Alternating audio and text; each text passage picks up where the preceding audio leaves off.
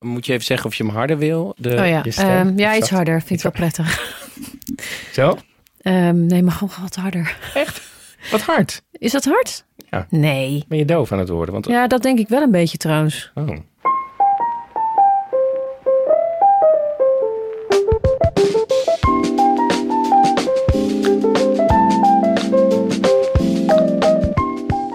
Ehm, ik, be, ja, ik begin. Vreemd. Ja, ook wel een beetje, klein beetje zorgwekkend meteen. Wat dan? Ja, dat, ik, dat ik doof ben. Ik heb de laatste tijd wel vaker dat ik in een restaurant met mensen aan het eten ben... en dat ik dan letterlijk zo, zo mijn oor naar voren moet doen, weet je wel? Zoals Maar het voordeel is wel, ze worden groter, je oren. Dat is wel waar. Maar je ja, je wil ze toch... Ja, je moet ze dus, want dat helpt natuurlijk wel als je ze zo doet. Net als een hond. die Als je een ook- kommetje maakt. Ja, dus echt dat oor Kijk, ik ga die van mij zelfs iets zachter zetten. Want ik vind die van, ja, nu vind ik die van mij goed. Maar zit ik nu ook hard in jouw oor? Nee, ja. Nee, ik zet er gewoon... Nee, nee, nee, dat niet. Ja, oké. Ehm, ja, hallo lieve luisteraar. Ik wend me even tot de Dat luisteraar. snap ik wel. Hallo lieve luisteraar, welkom bij een nieuwe aflevering van eh Pep Talk met Pepijn Schoneveld. Eh, de podcast waarin ik iedere week, of om de twee weken, met een gast... En ja, je moet die even op het dingetje Ja, zetten. snap ik wel. Sorry, ik zeg is toch een reden voor, denk ik. de- het kopje op het veeltje moet... kopje op het veeltje moet zetten. Eh, deze week eh, is de vraag die ik eh, ga, beant- ga ik proberen te beantwoorden. Hoe is het nou met Carice van? Maar dat klinkt ook... Ja, sorry, mag ik al onderbreken of niet? Ja, Nee. zeker. Doe het meteen. Nou, dat klinkt ook alsof ik inderdaad 25 jaar ben weg geweest. Ja, dat inderdaad. is ook een beetje zo. Je maakt je comeback dit jaar. Hoe is het met je? Heb je even... Nou, je bent lang niet in. Ben je lang niet ehm, in een film? Even kijken, ik zit even te denken. Jawel, je doet toch nog films en zo? Ehm, nee, maar ik heb je lang niet in de media gezien. Ja, je was laatst bij Tina en natuurlijk in haar podcast. ja, oké, maar de media, dan bedoel jij dus echt, zeg maar, ook televisieprogramma's, Ja, of bla de bladen. Ja, nee, maar thank god dat ik niet veel in de bladen ben. Nee, Maar ehm, ik ben of in natuurlijk... nieuws. Of... Nee, maar ik, ik denk dat ik dat eh, gedeeltelijk bewust zo heb gekozen. Ah, ik heb natuurlijk een, een kind gekregen zes jaar geleden, dus, Mhm. ik, dus ik was er ook een beetje uit. Maar, ehm, en ik ben al nooit echt een grote fan van eh, premières en van feestjes en van society gedoe. Nee. Ehm, en ehm, Ja, ik kom niet, loop niet graag op een rode loper. nee, echt niet. Nee? Ik wil het liefst eigenlijk via de backdoor. Mag dat niet? Kan je niet Nou, gewoon soms zeggen, mag het. ik wil het. Ik wil het. Ik Maar in. Amerika moet het echt, toch? Staat het in je contract en zo? Dat weet ik eigenlijk niet. Oh. Maar ja, ik weet, ik, dat is ook zo grappig dat mensen dan denken van als ze mij zien ergens op straat of in een, in een supermarkt, dat ze dan zeggen: Oh, wat leuk, ben je weer even in Nederland? En dan denk ik: Ik ben nog nooit weg geweest. Nou, jij bent natuurlijk, ik weet niet of dat nu nog is, maar jij was ons grootste exportproduct. Naast eh, Jeroen KB natuurlijk. Ja, Jeroen Krabbe. En wat wel zo is, is je hebt nu bijvoorbeeld Marwen Genzari. Die doet heel Hoe zeg jij zijn naam? Marwen Genzari, toch? Mar Marwan. Marwan, sorry. Ja, nee, prima. Nou, die eh, is ook, eh, doet ook heel veel, maar die doet heel weinig interviews en zo. Dus dat weten heel weinig mensen volgens mij. We zijn natuurlijk in Nederland wel zo van, als je veel eh, op televisie bent, dan ben je, ben je, ben je het of zo. Dan, dan ben je er. Snap je? Ja, dat klopt. Dat is zeker waar. Ik denk, en ik denk ook dat ik daardoor eigenlijk vrij normaal door het leven kan. Want Ja. ik ben eigenlijk ook een soort van. Ik ben wel een soort van straatrat. Je ziet mij, ik ben een soort, ik heb een soort junkenloop. Ze noemen dat een vlaaloop. Ja, een soort van, ja, sch eh, schooier en schuchter. je En kwam binnen, je wilde meteen brood. ik wil Moest altijd iets eten. brood voor je maken.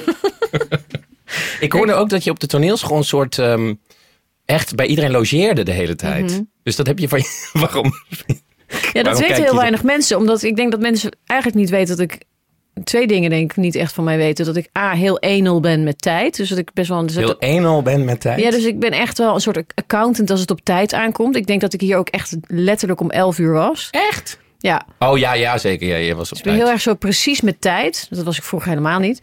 En het andere wat mensen denken is dat schooierige en dat eh, die straatkat eh, die ik eigenlijk ben. En Dat, ik we- kan dat het- weten mensen ook niet. Nee, ik denk dat ik het leuk kan verbloemen met allerlei. En waarom is dat? Waarom ben je een straatkat? Ehm, waarom ben ik een straatkat? Eh, ik denk dat ik het graag onder mensen ben. En ik, in, in de tijd dat ik echt een straatkat was, dus waar je net aan refereerde, Mhm. dat ik met een plastic zakje en een, mijn knuffelbeer en een schone onderbroek eh, naar school ging. En dan keek ik wel waar ik dan weer Want je had geen huis. Ik had wel een huis, maar ik was zo. ehm, eh, ik, ik, ik denk dat ik vanuit, een, vanuit mijn huis-thuissituatie. Eh, heel onrustig en ongelukkig was. En, en ik kon gewoon niet in mijn eentje zijn. Ik kon dat, dat gevoel Hm. niet. eh, daar wilde ik niet dicht bij een buurt komen. Want? Dus ik wilde gewoon altijd weg. Wat gebeurde er dan? Of wat gebeurde er dan als je dat wel was? Nou, dat was je dus nooit. maar- Ja, dat was wat probeerde ik te alle tijden te vermijden. Dus we hebben natuurlijk allemaal een pijnvermijdend brein. En, en ik wilde er gewoon niks mee te maken hebben. Ik was gewoon bang voor wat er dan zou gebeuren. En ik weet niet wat er dan zou gebeuren. Dat heb ik natuurlijk nooit echt eh, uitgeprobeerd. Dus ik was altijd on the run. Ik was gewoon eh, ja, altijd weg van huis. En dat zorgde ook dat ik dat huis ook helemaal geen, dat ik daar geen respect voor had. Ik liet alles maar versloffen, alles beschimmelde me. Er zijn zoveel mensen die verhalen hebben over, over beschimmelde muizen, beschimmeld eten, koelkasten die kwamen aanlopen. En ik was echt een Was dat mes. boven de Ruk en Pluk? Je hebt toch boven de Ruk en Pluk gewoond in Amsterdam? Ja, daar heb ik ook nog even gewoond. Dat was, maar toen was ik nog, toen, toen woonde ik nog met Eva van der Gucht. Oh ja. en, dat- en die heeft me wel een beetje onder de hoede genomen. Want anders was het gewoon echt misgegaan. Maar ik, in die tijd van de toneelschool, dat eerste jaar, waar ik dus zo onrustig en zo straatkatterig was. ehm, ik, ik had ook ik, ik had slechte hygiëne, ik had hele erg stinkvoeten. Ik had schoenen die mochten niet in het lokaal staan. Want mijn, mijn, daar had jij geen last van gehad. Ik Maar- eh, kan niet ruiken, dus ik, ik had prima.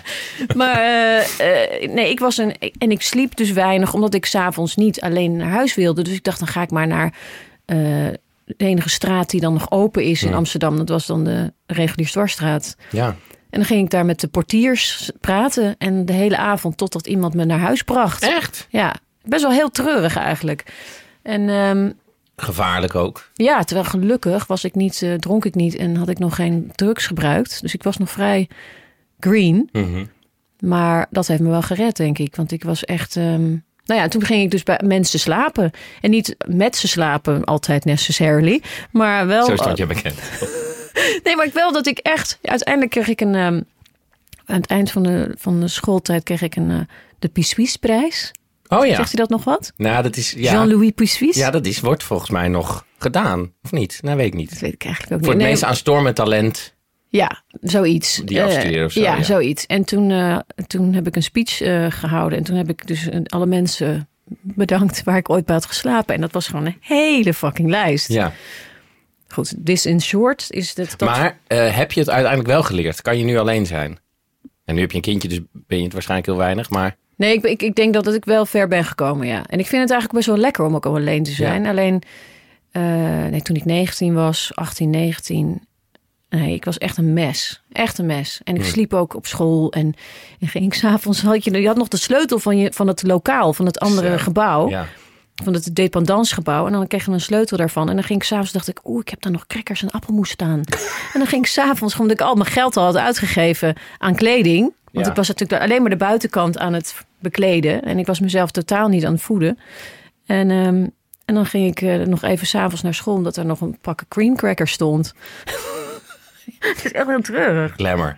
Glam- Ja. Echt glamour. En is het ook zo dat nu we het daar toch over hebben... Ik heb wel eens het verhaal gehoord dat eh, toen jij auditie deed... Oh nee, na het eerste jaar zou je... wel. Oh, je, je weet het verhaal Nou, er zijn een aantal verhalen, denk ik. Maar Ten eerste dat je met iedereen naar bed ging. Nee, eh, nee wel dat je gewoon logeerde. Ja. Maar ehm, eh, nee, het verhaal dat eh, na het eerste jaar wilden alle docenten je weg hebben. En toen heeft de, de, de huidige, of de toenmalige artistiek leider zijn portemonnee op tafel gegooid en gezegd: Als jullie de weg sturen, hier dan zo van, eh, dan heb je al mijn geld. Want eh, ja, zeg maar, portefeuille. ging all in. Zijn portefeuille. Ja, ik weet niet, ben ik daarbij geweest? Ja, ik vraag het even van jou alsof jij het verhaal wel kent. Nee, ik maar, heb gewoon dat verhaal gehoord dat dat ooit gebeurd is. Ja, ik weet niet of je daarbij wel. was.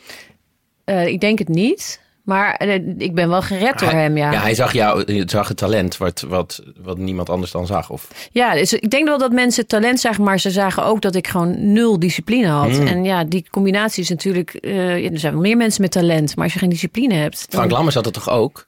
weet ik niet. Ja, die is volgens mij door Gijs Lange gered. Oh, echt? Oh, die zag dat hij talent had. Maar ja, die kwam ook altijd te laat en zo. en wat grappig. Wat is dat toch met mensen met talent? Maarten Heijmans die was ook altijd te laat. Wat is dat toch met mensen met talent die dan niks hoeven te doen? Ja, heel Ik moet gewoon hard werken.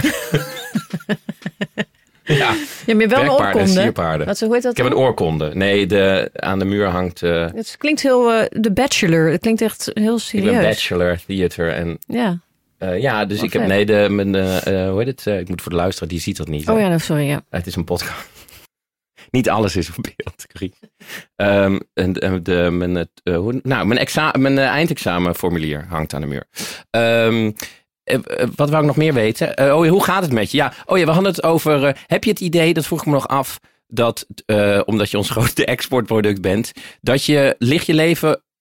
Nee, wat ik wilde vragen is. ehm, ik hoorde laatst weer iemand zeggen, omdat het toen allemaal gedoe was over bepaalde talkshow mensen, dat als je veel op tv bent en als, als, als het leven om jou draait, worden mensen altijd een beetje gek.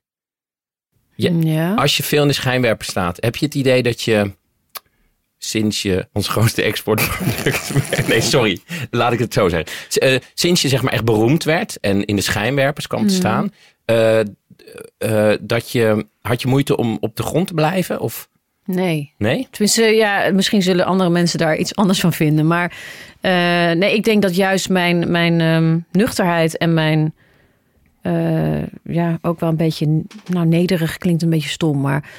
mm, Misschien dat mijn eigen onzekerheid. Ja, mijn onzekerheid en mijn nuchterheid me wel gered heeft daarvan, denk ik. Ja, Omdat ik het... eh, misschien ook wel omdat ik zo vroeg eh, ehm, in mijn carrière een gouden kalf won. Dus toen zat ik nog op school. ja. Vierde En- jaar toch of zo? Wat was het? Ik weet het niet meer, 1999? Ik weet Ja. het niet meer. Nou, dat eerste kalf, Ja, het 80 jaar oorlog was net voorbij. en toen de interbellum, het in te bellen. heb ik nog iets leuks mee gedaan. Nee, ehm, eh, dus ik kreeg toen een, een kalf toen ik dus best wel jong was. En toen... En ik was ook ziek. Ik kon, het ook, kon er niet echt van genieten. En toen kwam ik thuis en toen waren er allemaal klasgenoten die zaten op me te wachten. En dat was heel lief. Die wilden dat allemaal vieren. Maar ik voelde me niet lekker. Ik wilde gewoon naar bed. Hm.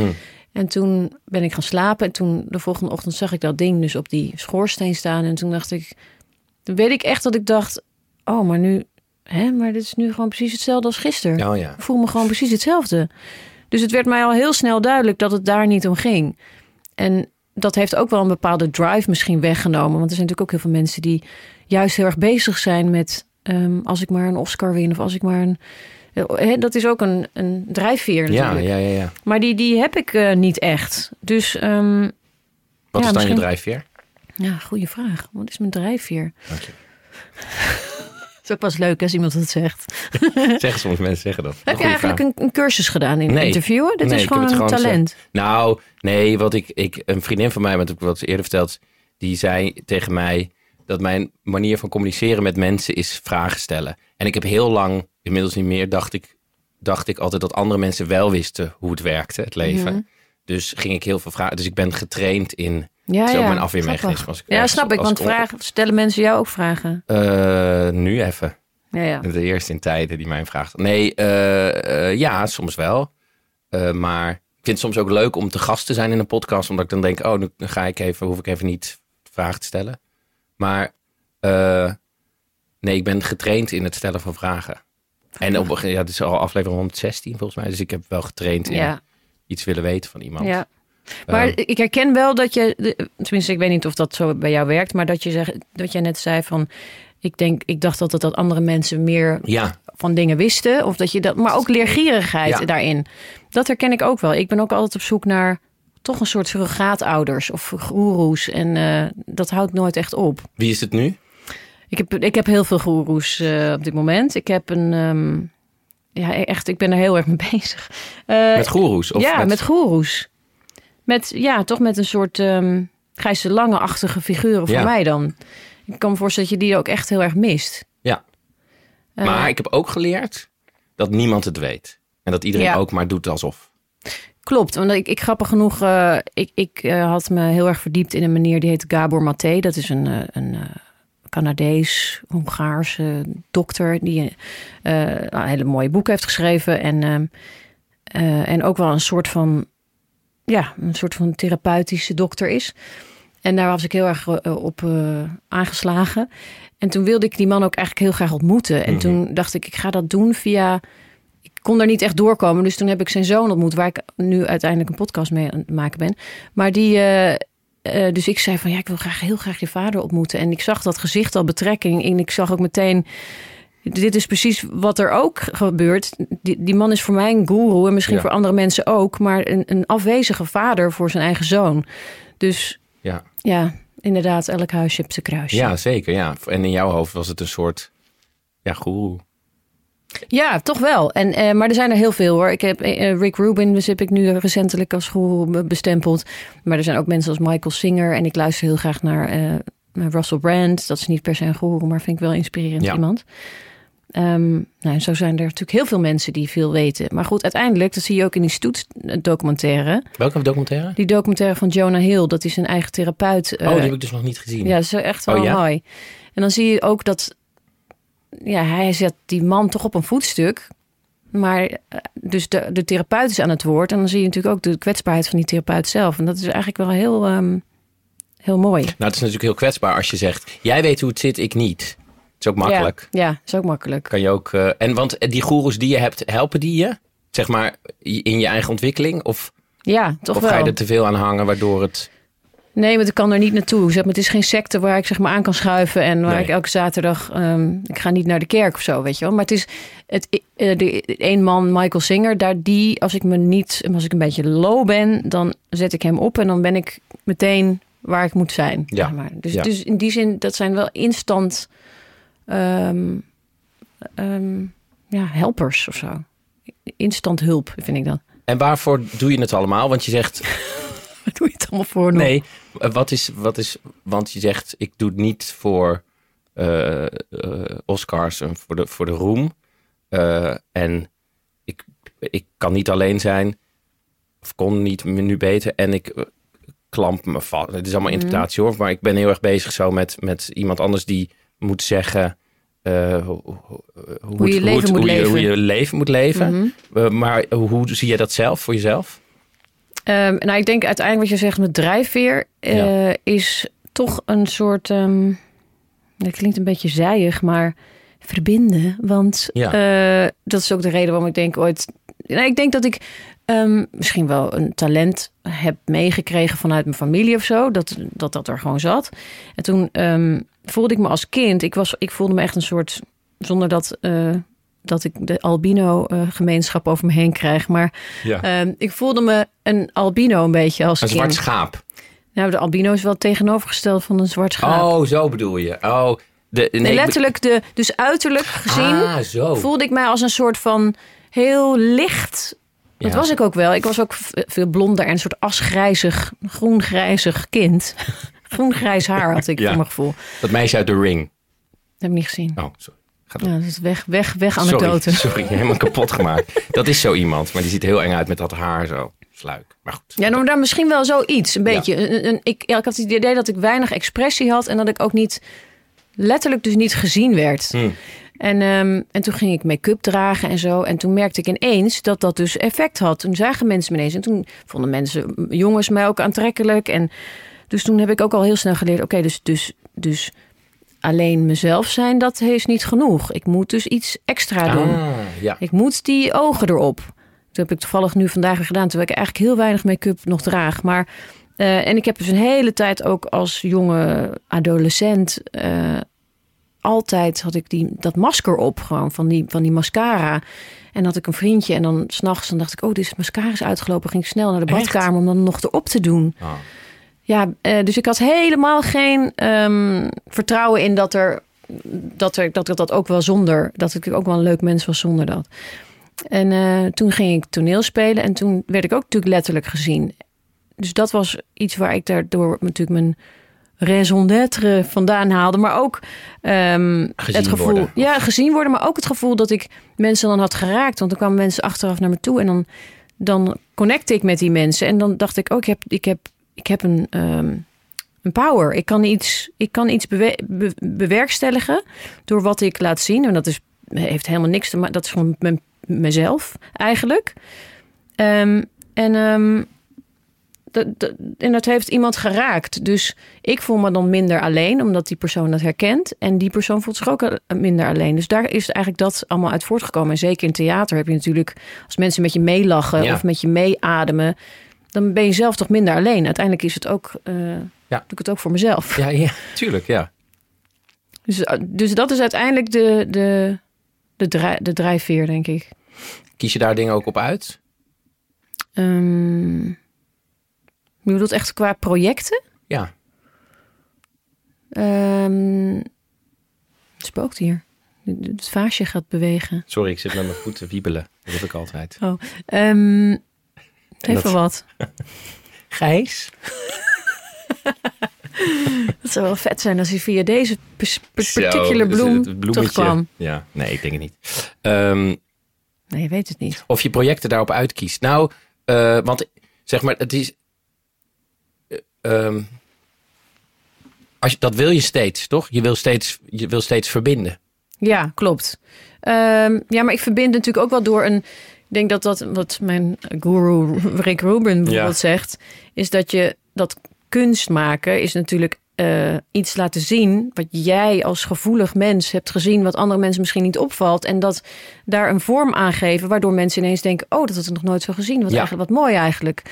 Ehm, en dat kun je natuurlijk ook met rollen doen en met, eh, met karakters. Terwijl ik, ja, ik vind, het- ik ben echt, ik vind het acteren ook eigenlijk wel zo'n heel zielig beroep hoor. Waarom? Trouwens, ik vind het altijd, ik vind het wel een beetje, ehm, ja, ik weet niet. Ik, ik, ik heb gewoon niet zo dat hele sacredness over acteren. Ik vind het allemaal, ik ben een storyteller. Ik, vind, ik, ik kan er niet tegen.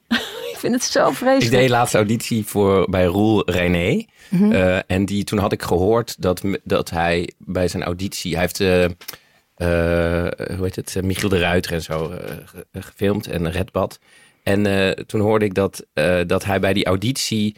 De eerste vraag was, waarom ben je gaan acteren? En toen, toen had ik het erover met vrienden. En toen zei ik, wat, ja, die vraag, het is toch gewoon omdat het leuk is. wat nou verhalen vertellen? Het is gewoon, ik vind het gewoon leuk. Ja. En toen deed ik auditie en toen stelde hij inderdaad de vraag: eh, eh, waarom eh, ben je gaan acteren? Toen zei ik: Sorry, ik, had- ik wist al dat je dit ging vragen. Ja, ik vind het gewoon leuk. Ik kan niks anders verdenken. Ik vind het gewoon leuk. Terwijl iedereen zei: Oh ja, ik wil verhalen vertellen. Ja. En toen hoorde ik later dat hij dat heel leuk vond. Dat iemand gewoon zegt: Ik vind het gewoon leuk. Ja, ja. Ehm, maar jij hebt dat dus ook niet. Dat je, dat je ik vind gewoon, dat je wil verbinden, maar Ja, nee, het komt wel vanuit iets, iets heel waarachtigs en zo. En ik, maar ik, ik, ik vind het werk op, ik vind het vak op zich. Ik kan een, ik, ik, ik, ik- het wordt zo heilig gemaakt, terwijl. Nee, misschien omdat ik het niet zo bekijk. En om- omdat ik ook niet in de rol in de huid van een ander kruip. Geloof er gewoon niet in, Nee. eigenlijk. nee. En dat is natuurlijk, lijnrecht staat dat tegenover hoe mensen in Amerika Ja, spelen. dat ik wou net vragen: hoe gingen ze met jou? Hoe ga- gaan ze met jouw nuchterheid? Gingen ze? Ehm, Hoe gaan ze met jouw nuchterheid om? Ja, maar ook in interviews op de. Rode Loper en zo ben je altijd gewoon heel erg... Ja, mensen, pff, je bent Ja. gewoon heel nuchter. ja, klopt. Terwijl in Amerika moet je alleen maar zeggen... Oh, it was so great. Nee, maar dat kan ik niet. Ze zeggen ook altijd in Amerika dat het de beste regisseur was... waar ze ooit mee hebben gewerkt. Ja, nee, ik, kan, ik, ik, ik, eh, ik word ook een beetje rebels ervan. Dus ik wil eigenlijk ook, ook daar, wat ik, wat ik in Nederlands, eh, op, op Nederlandse rode lopers ook altijd zeg van... Weet je wel, als ze dan 3000 foto's hebben gemaakt van, nou, je hebt hem wel, denk ik. Of ja, weet je wel, wat, wat, wat is dit? Of ik zeg van, daar zijn, we zijn we weer met z'n allen, hè, daar zijn Ja. we weer. Eindelijk weer eens met z'n, met z'n 300. Nou, ik, ik zeg maar wat, maar Ja. ik probeer er gewoon, ik probeer het altijd te downplayen. Waarom? Vroeger, ja, ik denk vroeger deed ik dat echt om het, omdat ik het niet, omdat ik niet kon, eh, het succes niet kon omarmen, omdat ik me daar over schaamde. Dat ik dacht, ik ben mijn moeder voorbij gegaan of ik ben, ik, ik ben het niet waard. Zeg maar, denk Oh, ik uiteindelijk. Ja, ja. En ik dacht, het is allemaal een, een misverstand. En ik ben gewoon, het, ik had een heel groot imposter eh, syndroom. Ja. Ehm, en, en, en nu is het niet zozeer dat ik mijn eigen werk onderuit haal, maar wel altijd wil meegeven dat. Ja, ik, ik ben ook maar iemand. Weet je, als mensen. Ik, heb dat met Game of Thrones gehad, dat mensen dan huilend Wat? voor me gingen Game staan. Heb je Oh ja, eens dat gezien? je in. Ja. Ik heb zelf namelijk ook niet veel van gezien. Maar ehm, ja, da- dan word ik wel on- heel onrustig, omdat ik dat niet begrijp. Omdat ik, Wat, sorry, wat je zei bij Game als of Thrones, iemand een, je een huilende fan voor je staat? Oh, ja, ja, ja. dan moet ik dat meteen eh, eh, oplossen. Want ik wil gewoon niet, ik wil ook zelf niet in een gouden kooi worden gezet, want dan ben ik alleen. Ik, wil, ik, ik ben ook, Oh. ik wil mensen om me heen. eigenlijk zeg je, ik hoor ook bij jullie, Ja. mensen. Ja, eigenlijk wel. ik Dus ben ook die rat die... eh, ja. Ja, en dat heb ik altijd wel heel graag willen uitdragen eigenlijk. En, dat, en, en gecombineerd met een beetje rebellie van mijn vader, denk ik dat ik... eh, ja, ik, ik kan het gewoon niet zo serieus nemen. Ik, ik, ik, ik, ik, kan ook niet heel intellectueel over praten. Ik denk gewoon, ik ben gewoon mezelf, maar, maar op een andere situatie. In een Ja. andere situatie, met andere woorden en met een andere kostuum aan. Ander kostuum aan. Zo Ja. zie ik het. Maar tegelijkertijd zou je het ook kunnen vieren, want je wordt gezien en dat is wat je het liefste wil. Ja, klopt. Maar uiteindelijk wil je natuurlijk gezien worden, wil je wil je, je je eigenheid belichamen en niet een rol van iemand. Maar waarom ben je dan gaan acteren? Ja, eh, good question. Nu heb ik je door. Dit is, nu komt het allemaal Nou uit. ja, waarom ben je dan gaan acteren? Eh, nou, in eerste instantie wel om gezien te worden, denk Ja. ik. En ook omdat ik, eh, ik denk dat ik wel iets wil, dat er een creatieve creativiteit uit moet. En ik kan niet schilderen, ik kan niet knutselen zoals jij, dat kan ik allemaal niet. Dus ja, dan Knutselen sta je op het theater, in het theater. Ja, dat is waar. Knutselen kan je niet. Ah ja, Dat street kan ik echt niet. is, Kan eh, ik echt niet. Maar, Maar- ook niet. Ik kan ook niet op een, eh, op een, op een bruiloft een speech houden. Dat, ik weet niet hoe dat met jou zit. Dat kan maar ik heel vind- goed. Ja? Vooral als mensen dood zijn, kan ik heel goed speechen. Ja? Ja, ja, ja, ik kan wel goed speechen. Maar, eh, ehm, maar wacht even. Je- zei, eh, ehm, in eerste instantie ging je acteren om gezien te willen worden. Eh, maar, eh, Zei ik maar? nee. Of vergeet dat jij die maar erbij? Nee, ik zei, nee, ik zei, je, je, waarom ben je gaan acteren als jij zei, je zei namelijk, eigenlijk wil je jezelf, dat, je, dat jij gezien wordt. En als je een rol speelt, wordt niet jij gezien, snap je? Nee, maar tegelijkertijd is dat ook weer niet helemaal waar. Omdat, ik spreek mezelf ook een beetje tegen. Ik, snap er zelf eigenlijk ook geen reet van. Maar Nee. dat, wat ik net zei over dat een rol aannemen. Voor mijn gevoel laat ik heel veel van mezelf zien Hmm. eigenlijk. Dus dat is al heel veel. Ehm, dus dan heb ik niet zoveel behoefte om daarna dan nog te praten over...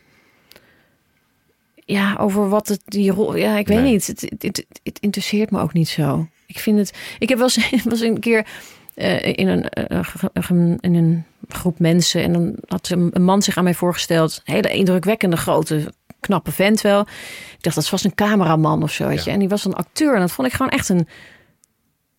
Vond ik gewoon... eh, ehm, een, Jammer bijna. Jammer. Ja. Ik dacht, oh nee. Heb je die speech van, eh, ik zit helemaal, ik zit in mijn Seinfeld fase. Die speech van Seinfeld. Dat Seinfeld is over mij gegaan. Weet gewoon echt niet van. Niks van. Oh nee? Nee. Maar goed, die heeft een speech eh, dat hij eh, een prijs wint voor dat hij een, een oeuvre award. En dan heeft hij een speech dat hij zegt dat hij prijzen belachelijk vindt. En dat eigenlijk het liefst dat hij achterin staat die, die, die dat hele gala belachelijk maken. Maar dat hij ook niet snapt waarom acteurs allemaal prijzen krijgen. En heeft, noemt hij allemaal zo op. Ze zeggen de tekst van iemand anders. Ze komen aan. Ik moet nadenken. Ik moet echt heel. en Die maakte helemaal alle prijzen voor, voor, voor acteurs. Want het is natuurlijk wel zo dat die acteurs is natuurlijk wordt heel, ja, dat wordt heel erg opgehemeld. Ja, en het zijn natuurlijk de, de helden van Hollywood. Maar ook Ja. degene die het geld bren- binnenbrengen. Dat is natuurlijk ook als je Ja, dat een beetje in Hollywood... Daar heb ik ook niet zo heel veel ervaring mee. Maar als ik daar dan wel eens ben... Dat is gewoon een industrie. Bij ons is het nog steeds van leuk. We gaan theater maken. Of we gaan een leuke voorstelling. Of een leuke film een maken. soort hobby. Ja, het is toch Ja. een soort hobby. Eh, ook omdat we er geen geld voor hebben. Dus wordt het niet een, niet een industrie. We hebben er is gewoon geen geld voor. Of Ja. gewoon niet genoeg. En daar ben je gewoon een... een het is gewoon een echt een industrie. Alsof je gewoon... Je kan ook in de, in de voedingsmiddelen zitten. Maar daar zitten ze dan allemaal in de, In de showbiz. in de showbiz. En dat voelt toch... Dat, ik voel me daar ook niet prettig hoor. Nee? Nee. Prettiger in Nederland. En Ja, dan kom je in, in Nederland op een set en dan ja, ik heb hem wel eens in... zit je op, word je, op- word je in een soort achterafkamertje gestopt. Ja, nee, want als je een, om een, stoel vraagt, Ja, dan ben je een diva natuurlijk. Je moet toch eigenlijk je eigen boterham meenemen Ja, en op de stoep zitten en een soort Ik krijg altijd, omdat ik natuurlijk zo eh, eh, wit ben. Ik Mhm. ben echt een albino. Maar dan krijg ik zo'n eh, paraplu. Heel, dat iemand zo'n paraplu bij me houdt. Dat vind ik altijd dat ik denk, oh nee, hoeft helemaal niet. Nee, hoeft snap ik. niet. Snap ik. Maar dat is Terwijl ook, dat heel belangrijk is natuurlijk. Want anders verbrand ik en ga ik dood. Maar Nou, het is ook wel grappig dat, dat je kunt natuurlijk die, die aandacht die je als acteur krijgt, die wordt opgehaald. Ja. Je krijgt te eten. Mensen zeggen precies wat je moet doen. Je wordt toch een beetje gepamperd. Maar dat kun je natuurlijk ook heel erg verwarren met aandacht. Terwijl dit Ja. is puur in het belang van die film. Want ze willen niet dat jij eh, zelf Ja. je boterham gaat vinden. Of dat je zelf even... Dat vind ik ook zo Maar hoe zorg je ervoor dat je daar... Ik heb daar met Elise Schaap, die ken jij natuurlijk ook, ook Mhm. veel. Die zegt dan altijd tegen mij, ik moet er niet in gaan geloven. Ik moet er niet... En dan vraag ik ook altijd naar, hoe zorg je ervoor dat je dat niet gaat doen? Als de hele tijd dat gebeurt, een parasol wordt, je wordt opgehaald. Hoe zorg je ervoor dat je er niet in gaat geloven? Dat is mijn vraag aan jou. Ja, ik denk dat je toch dat die, dat die onzekerheid over of je het wel. Dat dat veel belangrijker is waar je mee bezig bent. Met je, met je proces en met je. Dat het allemaal niet zo gaat over uiteindelijk. ehm, maar goed, dat, is, dat geldt niet voor iedereen natuurlijk. Er zijn genoeg mensen die juist daar wel heel erg mee bezig zijn. denk ik. Hoe Die, bedoel je? Of die... die, die het belangrijk vinden wat, wat de uitkomst is. En eh, wacht even, ik ben, ik ben de draad kwijt. Ik ben de, verhaal, De vraag is- Mag ik vraag- het heel even los doen? Ja? Want ik zit al best wel heel braaf hierin. Of ga je het dan rondzingen? nee, nee, helemaal niet. Mag ik hem even afdoen? Ja, doe maar af. Ik ga even checken of mijn camera aanstaat. Ik ben heel neurotisch. Ik, haat, ik, ik heb al acht keer gecheckt op de... Dit Oké. heel vaak. Ehm, maar ja, ik mag hem even af wel? Ja, zeker. Doe maar af. Zal ik even de... Oh, wacht. Ik, doe, ik ga even de reclame doen. Zal ik de reclame doen? Ja, laat, doe maar even. Want het wordt nu wel echt heel... eh Nee, maar ja, onthoud wat ik... Wat, wat dat weet ik dus niet meer. Ik, ik, Ja, ik weet wat Ja, ik ga vragen. Nadat ik eh, even ga vertellen eh, dat ik een nieuwe samenwerking heb. eh, of wat, dan moet ik even een tune doen.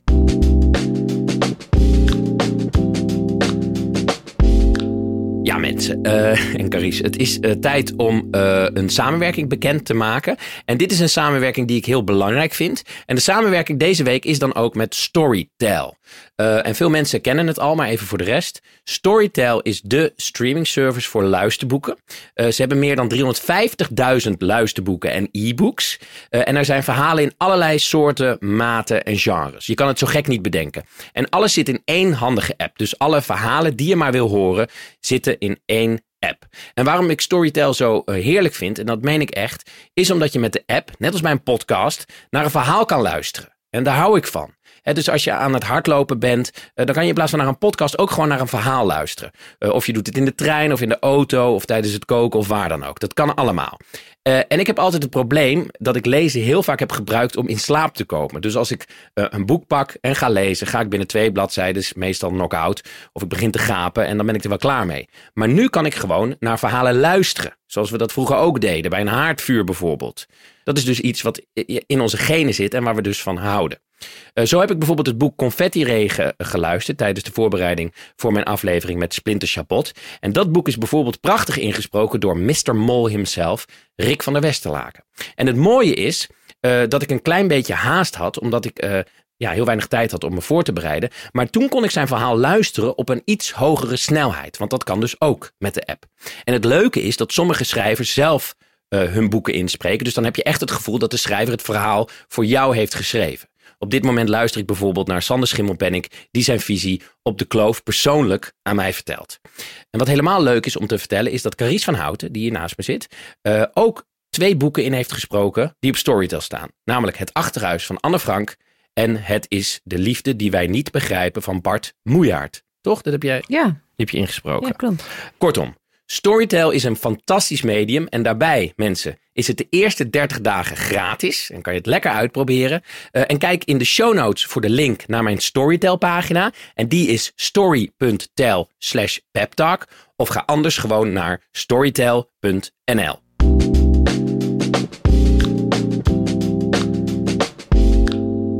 Ehm, ja, de vraag was... Ja, nog even opnieuw, ja. De vraag was... ehm, hoe zorg je ervoor dat je er niet in gaat geloven? Maar waarin geloven? Ja, sorry. Terwijl ik het zeg, eh, dat je eh, heel belangrijk bent. Je zegt net, Mhm. als je... eh, nou, acteren. Het is, ik, ben, ik ben niet al... Nee, dat is het. Je zegt, ik, ik doe op een première... Downplay ik, play ik het... omdat ik wil zeggen, ik ben ook een van jullie. Ja. Hoe ga je ervoor zorgen dat als allerlei dingen voor je wordt gedaan... je wordt opgehaald, je staat... Een, dat, je, dat je niet gaat denken dat je heel belangrijk bent. Eh, nou, dat een goede vraag. Maar ik, ik, voor mijn gevoel, ik hoef er, ja, dat klinkt misschien raar, maar ik hoef er voor, voor mijn gevoel niet zo heel veel moeite voor te doen.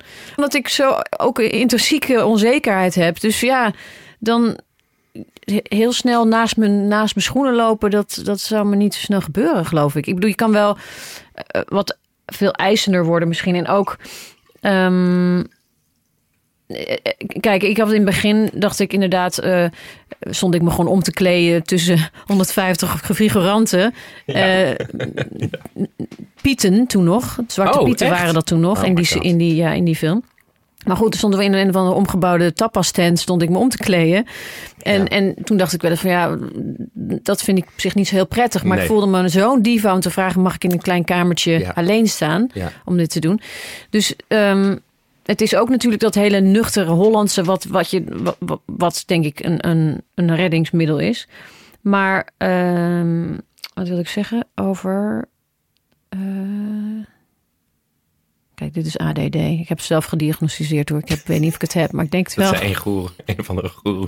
Nee, je hebt het gewoon zelf Oh, bedacht. echt? Oh. Ja, Ehm, vielen er gewoon dingen Nou, dat het, eh, eh, je zei, eh, je wil dan niet een diva. Ja, dit is natuurlijk waar is de grens tussen wanneer ben je een diva en wanneer heb je iets nodig om je werk goed te doen. Terwijl ze doodgaan. Nee, ehm, nee, dat is wel een goed punt. Want er zijn ook momenten geweest in films, eh, bijvoorbeeld in Zwartboek, waar ik best wel ingewikkelde dingen moest spelen. En dat ik gewoon mijn concentratie nodig had. Dus toen, dan vraag ik wel van, ik heb wel echt een ruimte even voor mezelf nodig. Ja. Ehm, maar daar moet je natuurlijk een beetje de balans in zien te vinden. Maar dat kan ik wel beter. Ik, dat vond ik vroeger ook heel moeilijk dan om te vragen. Omdat ik dacht, ja, maar ja, dan ben ik natuurlijk weer zo'n zeikert. Ja, ik ja, ga ja. nooit een zeikert zijn. Ja. Hoe zorg je ervoor dat je en heel nuchter bent, maar ook eh, dingen. Kijk, als je echt heel nuchter bent, dan kan je tijdens een scène bij Zwartboek ook denken, of laten we eh, Game of Thrones denken. Ik ben een heks aan het spelen. What the fuck? Als je echt nuchter bent, dan kan je dat gewoon niet. Dan kan je toch geen heks spelen? Mhm. Ja, ja, oké. Nee, maar En dat kan ik dus ook echt niet. en- Ik vond het ook eigenlijk... Ik was gewoon totaal miscast, wat mij betreft. Echt, ja? Ik vond het, ja, vond ik wel. Maar Ik toen je dat kind, echt- dat, je moest, je baarde een, Een, een schaduwkind. een schaduwkind. Ja, Dan ben je, als je zo nuchter bent zoals jij, dan kan je dat toch helemaal niet doen? Eh, ja daar heb je je, hebt een het wel punt. gedaan. Ik heb het wel gedaan.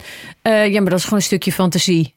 Ik, weet het niet. Ik weet het niet. Nee, maar eh, nee, ik heb ook heus wel gedacht, wat is dit voor... Ik, ik kan wel heel meta zo af en toe ernaar kijken. Ik denk, ik sta hier gewoon met een soort van prothese vagina. Ja. Eh, eh, eh, iemand met een buis die aan het blazen is... en die, die, die buik die heen en weer gaat... en er staat een soort ADHD-acteur naast me... Die staat, en ik sta half naakt in een, een, een oude koude grot in Ja, Noord-Ierland in november. Daar gebeurde het. Ja. Ehm, dus ja, dan doe ik gewoon wat ik moet doen. Ja. Maar, maar ik heb hem wel met die rol altijd wel ehm, een beetje ja, gemiscast gevoeld. Omdat ik altijd dacht van, ja, maar hoe ben ik, hoe, hoe ben ik nou in deze rol gekomen? Want dit is echt niks voor mij eigenlijk. Hoe ben je er überhaupt gekomen? Ik heb er gewoon een, een tape gemaakt. Maar grappig genoeg, ik, ik, ik sprak iemand in eh, Amerika die zei... Een producent, een vrouwelijke producent die Game of Thrones heeft eh, groot gemaakt eigenlijk. En die zei, weet je hoe we jou hebben gevonden? En toen zei ik, geen idee, vertel me. Ja. En toen zeiden ze, je hebt ooit een het online filmfestival of zo in 2000, whatever, 9 of zo, ik zeg maar even wat. Een filmpje opgenomen, een soort van, doe ik een, een, een improvisatie van iemand die denkt dat hij een auditie komt doen voor een featurefilm. Maar dan blijkt het Ja. dat het voor een online platform dingetje is. En dat was Ja. online, was natuurlijk echt not done toen nog. Ja. En dan, ja, dan freak ik gewoon out. En dan heb ik een soort van 10 minuten improvisatie. Dus eigenlijk een soort van comedy sketch. Maar daardoor had ik dus blijkbaar... eh, ben ik uitgenodigd om die auditie te doen. En die auditie kreeg ik. Maar ik dacht echt...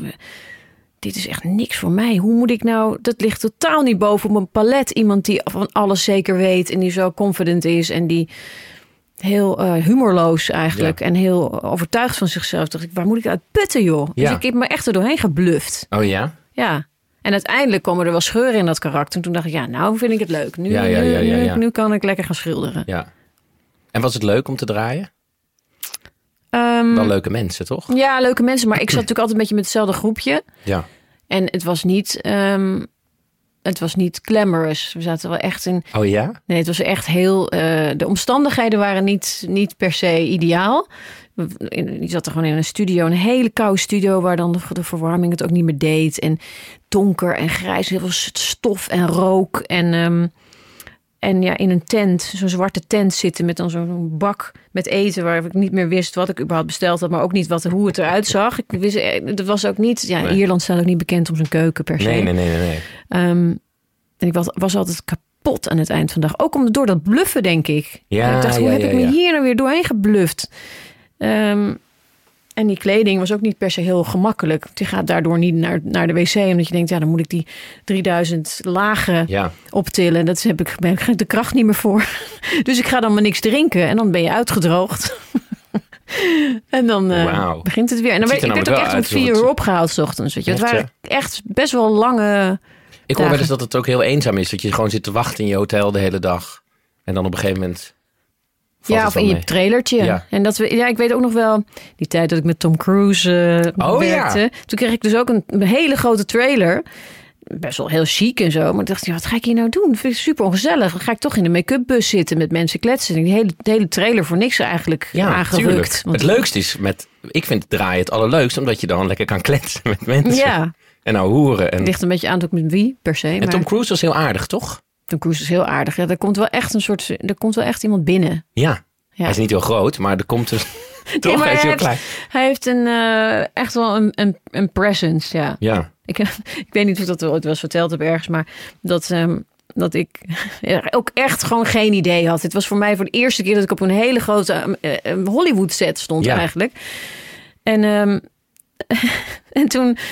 En ik had best wel een leuke band met hem. Hij, hij, hij was ook heel lief tegen mij. En hij zei elke dag van... Carice, you're a great actress. Zo. En dan... ehm, Oh, Tom.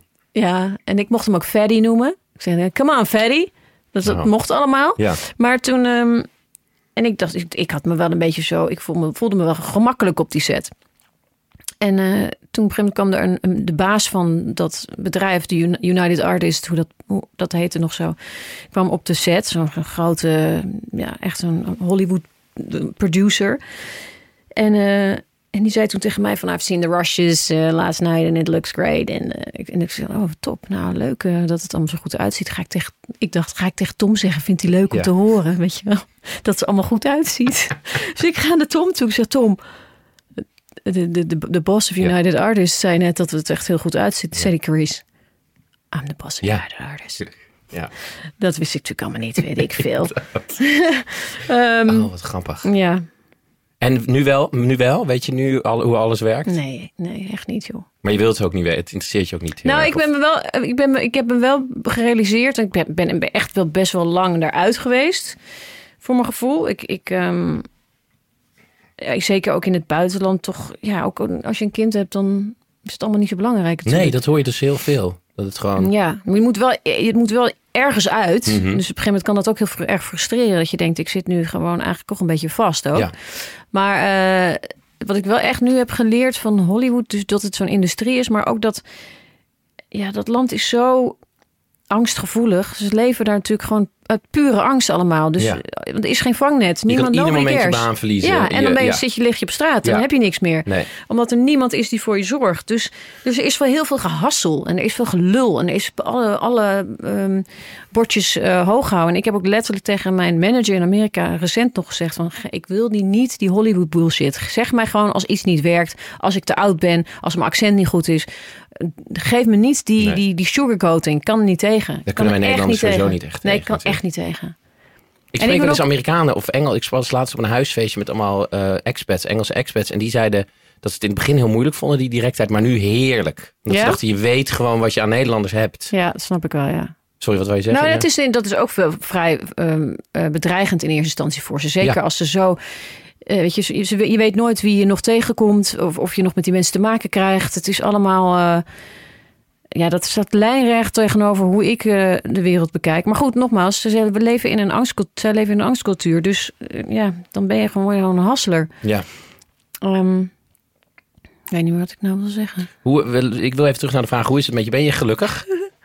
Ehm, ja, ik denk Zit wel je dat op ik... een goede plek? Ja, als je het me vergelijkt met toen ik 18 was, toen die straatrat. Die zit er nog wel een heel klein beetje onder, maar ik ben niet zo rusteloos meer. Nee. Ehm, Hoe komt word- dat? Nou, ik denk dat ik ook wel een beetje gegrond raak door een kind misschien. En ook ouderdom. Ik ben natuurlijk ook loop gewoon tegen de 50. Ja, niet dat dat iets per se. Je kan natuurlijk nog steeds heel rusteloos zijn als je dus 65 bent. Dus Mhm. dat heeft niet per se alleen met, met leeftijd te maken. Maar Nou, je zei het hiervoor toen we nog eh, even, toen je een boterham aan het, aan het wegschrokken was. Helemaal niet. best binnen een seconde was hij heel weg. netjes een boterham, zalm aan het eten. Eh, zei je van, eh, als je ouder wordt, het lijkt alsof je een soort... Wat zei je nou? Ja, een soort, eh, ja, alsof je gewoon een natuurlijke afdrijving van een soort. Alsof je een eilandje bent, wat zeg maar heel lang het aan een land heeft vastgeplakt. En dat, gaat, dat scheurt dan af. Ja. En dat drijft dan een beetje weg. Dus je verliest een beetje de connectie met, met de tijd, met de jongeren. En ik weet ook niet of dat erg is. Misschien is dat ook gewoon een beetje een midlife ding. Hmm. Dat ik gewoon het. eh, ik voel me wel vaak heel oud. Nou, heel oud, niet zozeer dat dat slecht is, maar wel, dat ik Ja, ik weinig vroeg aan jou, w- eh, kan je me in contact brengen met... Weet ze nou? Emma Corin. Emma. Corin. Nee, ik ga niet geen idee wie geen dat idee wie dat is. Nee. Ja, ze speelde dus de... eh, eh, hoe heet het? In, eh, in The Crown, sorry. Maar ik, jij hebt wel een bepaald type, volgens mij. Ja, Emily Clark. Maar die is en gewoon... Emma Watson en zo. Dat zijn, oh ja, van die Ja. Engelse, Engelse vrouwen. ja. Ehm, nou, Emily Clark is ook een beetje zo down to earth, toch? Die is er ook zo eh, grappen maken. En Dat weet ik niet. Ik Oh. heb die niet zoveel ontmoet eigenlijk. Dus Oh, jij kent haar helemaal niet? Nee, ja, een beetje zo Wat doe van je hier? première. waarom zit je hier? Jesus Deze is Christ. dat een leading up. Je wilde gewoon Christ, de ik zit telefoonnummer hebben. kwartier te praten om te hopen dat ik Emily Clark kan ontmoeten ooit. Emilia Clark. Zou eerst Amelia even de naam goed krijgen. Oh, sorry. Dat leert ze me wel. Sorry, ehm, eh, of je gelukkig bent eh, dat je. ehm, eh, of het erg is dat je niet meer in contact staat met. met of nee, dat je jezelf oud aan het. Dat je jezelf Ja. oud voelt. Ik voel me soms wel oud, omdat ik dus de, de, de wereld niet meer zo herken. Dus dan loop ik een winkel binnen en denk oh, dit is een nieuwe mode. Of dan Mm. hoor ik mensen praten en denk ik, oh, dit is een heel ander jargon wat ik, dan dat ik gewend ben. Ik volg het ook niet meer zo. Omdat misschien ook door een kind dat je wereld wat kleiner wordt. En dat, dat, dat de, de omgeving me niet meer zoveel kan boeien. Ehm, Er is iets belangrijkers. er is iets belangrijkers. Maar goed, ik wil natuurlijk ook wel een beetje weten wat er in de wereld speelt. Dus ik, ik, ik, ik voel me wel geëngageerd met, met, met de, de actualiteit. Maar tegelijkertijd... Nou, je hebt wel Man Up gemaakt met Halina, wat, wat, een, wat heel in deze tijd eh, past. Zeker. Twee, twee vrouwen die zeggen: Nou is klaar. Nou is klaar, nu gaan wij eens even de boel. eh, ja, nu is het klaar met de mensen die nu is het zeggen... klaar met de witte man. met de witte man die zegt... Dametjes, nu even de oortjes Dametjes, dicht. ja. Dametjes even Dat de heb je echt gehoord. dicht. Dametjes even de even oortjes de oortjes dicht. Want we gaan het over de cijfertjes hebben. Mannen zijn echt knettergek. Ik schaam me zo Erg. vaak voor ja, mannen. snap ik. Dat snap ik wel. Ja, Ik heb vanmiddag een gesprek bij de parade. Ik wil een voorstelling ma- maken die gaat heten Sorry voor alle mannen. wat een goed gewoon- idee. Wil ik gewoon zeggen. Omdat, ik zal wel weer afgewezen worden, maar ik had bedacht, laatst bedacht Goeie me- attitude. Dit is echt... That's the spirit. Dat gaat vanmiddag gebeuren. ik had eh, eh, ooit, ik doe heel vaak voice messages inspreken voor mezelf. Had ik dat als ik een vrouw heel vriendelijk probeer te versieren in de kroeg, hoor ik heel vaak in mijn hoofd, jij gore predator. dat ik ook in de war ben van ja, alles. Ja, snap ik wel, ja. Eh, maar dat man-up is natuurlijk wel, dat is- staat wel in deze tijd. Oh, even voor de luisteren. Sorry, dat is je Ja. productiebedrijf. Ja, we Dus samen met Alina heb ik dat eh, begonnen. En het is eigenlijk dus vanuit het vrouwelijk perspectief eh, maken we dingen, omdat we nou helemaal vrouwen zijn. En het, dat, dat is dus daar, daardoor dus ook een feministisch bedrijf. Mhm. Puur alleen daarom. Ehm, en ehm, omdat we denk ik inderdaad klaar waren met wat mensen, dat we klaar waren met dat we moesten doen wat andere mensen van ons vroegen, Dametjes. dametjes. En ook toch meer, eh, ja, meer controle over dingen hebben. Mhm. Maar het, het is ook daarin ben ik, zijn wij ook ons aan het ehm, emanciperen, denk ik. Ja. Ik heb toch ook heel vaak gedacht, ja, dit snap ik niet hoor. Nee. Dus ik, we hebben- doen er ook zelf aan mee Je gaat je natuurlijk. ook hè? gedragen naar die, die Ja, rol waar je in wordt, ge- wordt geduwd. Ja. Was dat erg? Of eh, gebeurde dat echt veel? Zo dametjes. Nee, maar het, het is, dat was heel erg helder. Maar verholen gebeurt het nu natuurlijk de hele tijd. Ik bedoel, ik Wat, haal- verholen? Verholen. Dus, vers, vers, ver- en dus het, niet zichtbaar. Sorry, oud-Nederlands ben ik. In het interbellum werd verholen misschien gebruikt, maar... Ik weet ook niet of dat in deze zin past eigenlijk. hoor. Want ik zit nu zelf haal ik er een mooi woord bij. Maar ik weet helemaal niet of dit, eh, of dit bij de luisteraar überhaupt aankomt. Gij Verholen. Ja, Oh. ver- ver- verholen, is dat, komt dat dan van verhullen? Oh ja. Een verholen... Nou heel obvious was het, zeg maar, toen, Ja. toen die man zei... met dametjes even de oortjes dicht. Maar ehm, wat niet zo opvallend misschien is... Dat, ik zei- het laatst ook ergens... dat ik loop dan met een, een vriend te wandelen... En dan denk ik op een gegeven moment in een, op een smal bospadje, paadje. En dan denk ik, wat, wie loopt hier nou in de gutter? Dat ben ik. Die Oh, man ja. loopt gewoon, pakt gewoon zijn ruimte. Dus gewoon, het is een given. Manspreading. Ja, dus het is, dus daarin zit het natuurlijk ook. En, en, ehm, maar goed, we, we- inderdaad, we doen er allemaal mee. Het is niet zo dat, ik denk dat mannen gewoon als, in principe als nar, eh, narcist geboren worden. Niet zozeer dat, dan kun je nog een hele leuke narcist worden. Maar in principe gaat het wel om jullie. Ja. Ja, vanaf moment Mag je één. gewoon je, ja, mag je je ruimte nemen. Ja, ja. Ik zag laatst ook weer had iemand... Een, die had een foto gemaakt in de trein... dat er zo'n vrouw helemaal zo zat met de benen bij elkaar... en een man ernaast gewoon zo... Ja. Nou, dat is natuurlijk... En, en ehm, voelt het lekker om te zeggen... wij gaan nu, eh, nu het heft in handen nemen? Met, met ja, dat voelt heel lekker. Maar het, het is ook een, ehm, een groot schip wat ge- omgedraaid moet worden. Dat is natuurlijk niet, niet 1, 2, 3 gebeurd. Toen Nee. wij, eh, toen wij ehm, Red Light maakten, Mhm. toen was er bijvoorbeeld een scène in een, eh, in een, ehm, stripclub. En daar waren dan, ja, als je er dan niet bovenop zit als producent, dan krijg je allemaal figuranten met modellenlijven. Ja, En, en, en dat was het natuurlijk, daarin moet je je dan eh, onderscheiden en zeggen: wacht even, maar nu seksualiseren we dit weer, maken we er weer een soort sprookje van. Maar Ja. dat is het niet. Het is, Nee. zo is de waarheid gewoon mensen niet. zien er niet zo uit. Nee, het is niet gewoon een fucking jaren negentig El Pacino film waar er weer iemand binnenloopt in en alleen maar lekkere wijven staan. Het is een soort van, eh, ja, een soort van Disneyland. Ja, Dus eh, daar voelden we dan echt verantwoordelijkheid. En dat, en dat lukte dan soms niet altijd. En dan moet je echt op je strepen staan van morgen gaan we, worden, komen er gewoon andere mensen. ja. Ehm, dus dat is, ja, dat is voor ons ook een leermoment. Want toen Halina mij bijvoorbeeld regisseerde in Instinct... moest zij zichzelf ook tegenhouden om mij niet toch half naakt in beeld te brengen. Jullie zitten, we zitten allemaal daarin natuurlijk. Ja, en wij, Wij- doen ook mee aan de Ja. plaatsregie. En wij weten het vaak niet. Eh, of, nou, inmiddels wel een beetje. We worden er veel, goed, goed veel Mhm. op gewezen. Eh, maar j- jullie gaan natuurlijk ook eh, in een rol waarvan je soms ook niet door hebt dat je in die rol. Want Ha- eh, Halina schiet dan toch in de rol. Eh, Ja, die seksualiseert Ja. mij dan op dat Ja. moment ook. Of op, objectiveert mij Ja, dan ook. Ehm, of tenminste, dat, dat is haar en heb neiging. jij toen dat gezegd? Van, Nee, helemaal niet. doen? Maar ze Oh, zei bij zichzelf van... ik merk nu ook dat ik eigenlijk dat ik, het, dat ik gewend ben om borsten te laten zien... of borsten te zien. Dus, en, dus dat hebben we ook echt als een dogma later gemaakt. Van dat willen we gewoon absoluut niet. Ehm, maar wat wilde ik... Ik wilde nog iets best wel iets belangrijks zeggen. Maar het is helemaal weg. Ehm, mannen, vrouwen... Ja, oh ja, dat ik... Sorry, pardon. Dat ik laatst iemand in een documentaire iets over hoorde zeggen. Een vrouw. Die zei waarom mannen ook zo boos zijn op vrouwen... is omdat ze ook eraan mee, omdat ze eraan meewerken. Sorry, vrouwen zijn boos op mannen? En mannen zijn Oh. waar mannen ook vrouwenhaat of Mhm. boosheid kunnen voelen, omdat de vrouw er deelgenoot van is. Dus eigenlijk meedoet in het systeem en niet er tegen ingaat. Ja, ik kan Oh, het niet ja, helemaal Ja, uitleggen, ja, maar zoek het maar even op. Google het maar eventjes. Ja, ja, ja, inderdaad. Ik vond het wel een interessante ehm, kijk. Ja. Nou ja, het is. De, veel mannen zijn boos, worden boos, omdat ze natuurlijk verweten. Ze, ze krijgen verwijten eh, die, die hun feestje verpesten, eigenlijk. Mhm. En waarvan ze ook wel weten dat het klopt. En ze zijn niet gewend om, om die verwijten te krijgen en Nee. tegengesproken te worden. Nee, Dus als zo'n man zegt, dametjes even, en jij zegt, ho, ho, ho, ho, ho even. Zo'n man is dat niet gewend. Je nee. ziet het ook vaak bij hoge, gewoon mannen die weinig, eh, eh, die veel macht hebben gehad en weinig zijn gecorrigeerd. Die zijn het helemaal niet gewend, Nee. natuurlijk. Nee.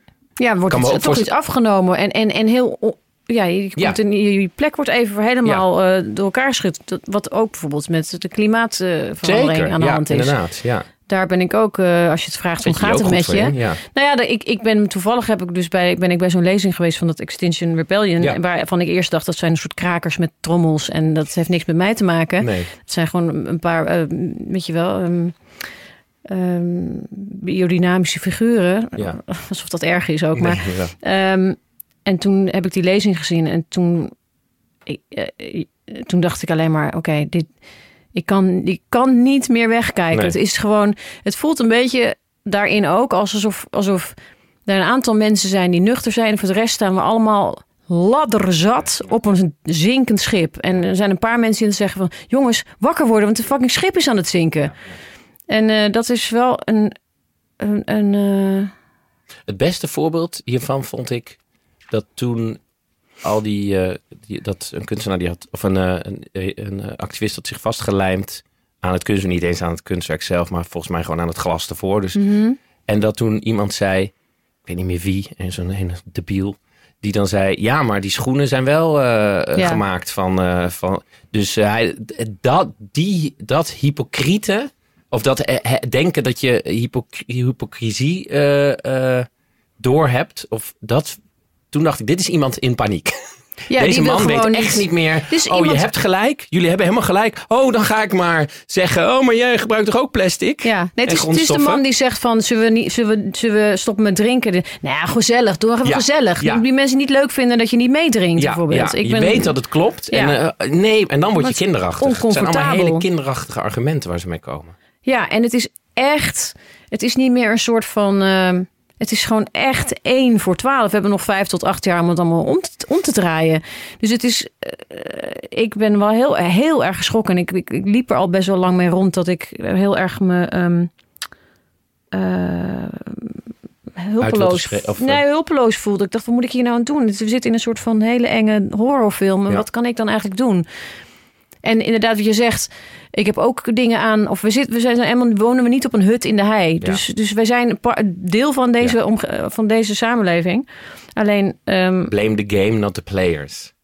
exact. Want de grootste spelers zijn natuurlijk de mensen die het allemaal bepalen. Ja, dus als we met z'n allen, dus inderdaad op een. ehm, En heb je, want je hebt wel invloed natuurlijk. Anderhalf miljoen volgers. Heb je toch op Instagram? ja, maar ja, ik weet niet. Heb je toch het- wel iets invloed? Ik denk het wel. Dus ik voel blij me met jou? Of- verantwoordelijk daarvoor dan. Ja. Dus ik denk, dan moet je je stem ook gebruiken. Ik kan er ook niet meer. Ik vind ook mensen die, die, er niks mee doen, vind ik eigenlijk ook, vind ik eigenlijk al niet meer kunnen. Nee, Maar echt. ja. eh, het is niet meer een, een grap van een paar linkse hobbyisten of, zo. Of een Maar je van- voelt je wel verantwoordelijk dan?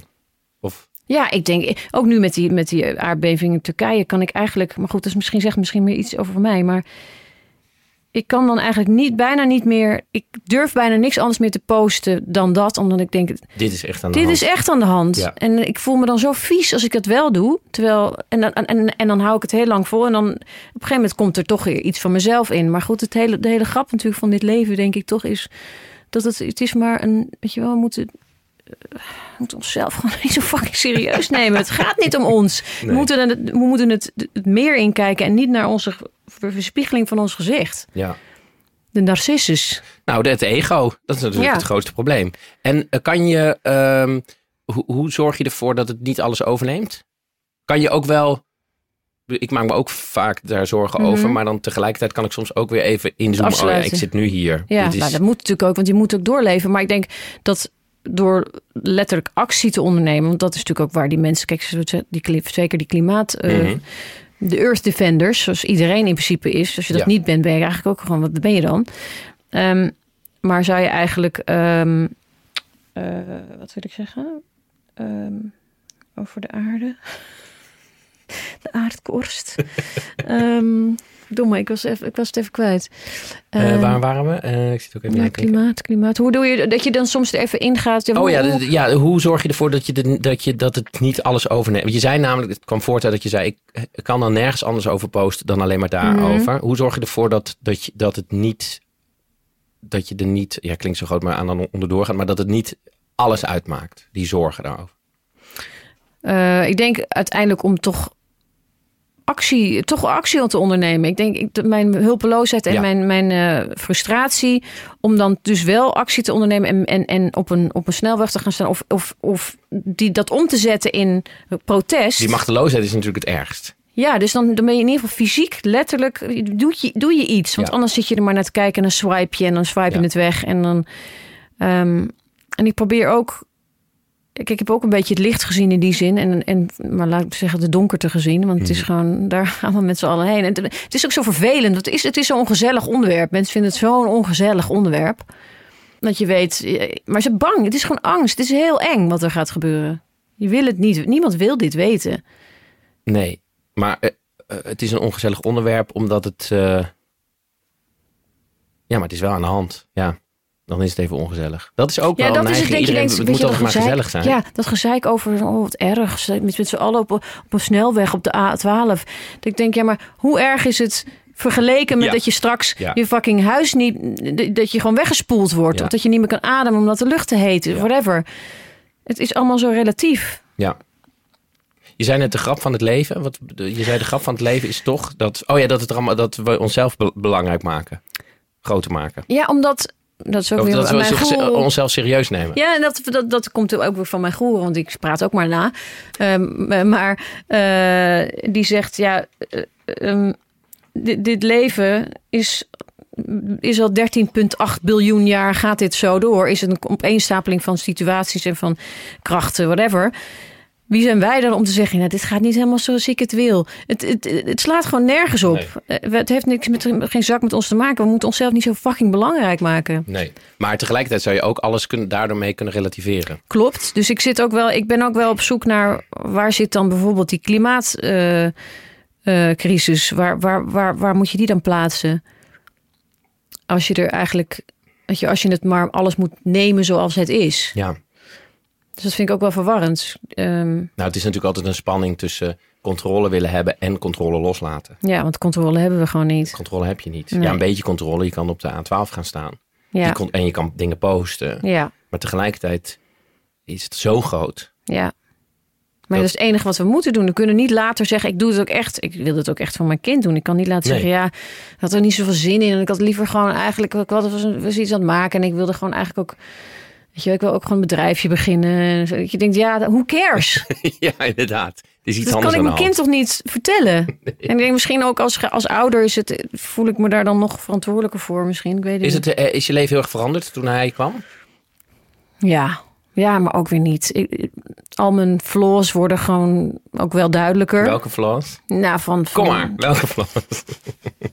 Even, hier ga ik even een nuutje van, een van maken. Een nuutje pakken. Ehm, boundaries bijvoorbeeld. Boundaries? Boundaries Grenzen. vind ik moeilijk.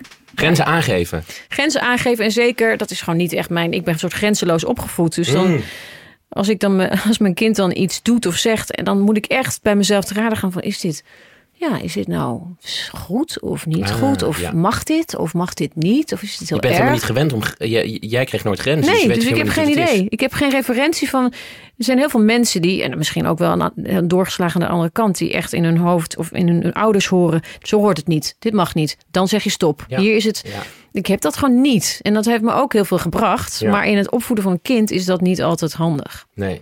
Want voor als ik dat moment heb gehad van dat ik ga nadenken van ja, is dit. Is dit, dan heeft hij me al Is te dat te pakken. laat? Ja, ja, is dat te laat. Oh, dus ja, dat hoor je natuurlijk altijd. Dat kinderen je, je he- confronteren met jezelf. Heel erg. Heel erg. Ja, is dat erg of is dat leuk? Of is... Nou, het, het, het is vooral. eh, ik vind het hele leven gewoon wel een leuke zoektocht. Dus ik, ik, ik vind het wel spannend wat er allemaal gebeurt. Ik vind het wel interessant. Maar het is niet altijd heel even comfortabel. Want dit is wel heel duidelijk. Komt dat nou naar boven? Kijk, in, in andere relaties denk je, ja, daar kan ik nog mijn mannetje staan. Maar als mijn eigen kind me, Ja. me, me omver blaast. Dan zo, zo is het niet En bedoeld. heb je dat ook bij andere dingen of alleen bij je kind grenzen aan? Of leer je daardoor ook de grenzen aangeven in- gewoon in het leven? Ik denk het wel. Ja, ik denk wel dat dat een, een katalysator is voor, voor de rest van mijn leven. En dat, ik vind dat gewoon heel eh, moeilijk. Om Dus- grenzen aan te geven. Ja, Ja. vind ik ingewikkeld. Is dat eh, in je werk? Jij? Ik kan heel Kan goed grenzen Goed? aangeven. Ja. Eh, ja. Daar heb ik nooit zo moeite mee. Zeker bij kinderen. Ja, ik heb, ik heb neefjes en nichtjes. En daar kan ik gewoon goed aangeven. De volwassenen zijn nu even aan het praten.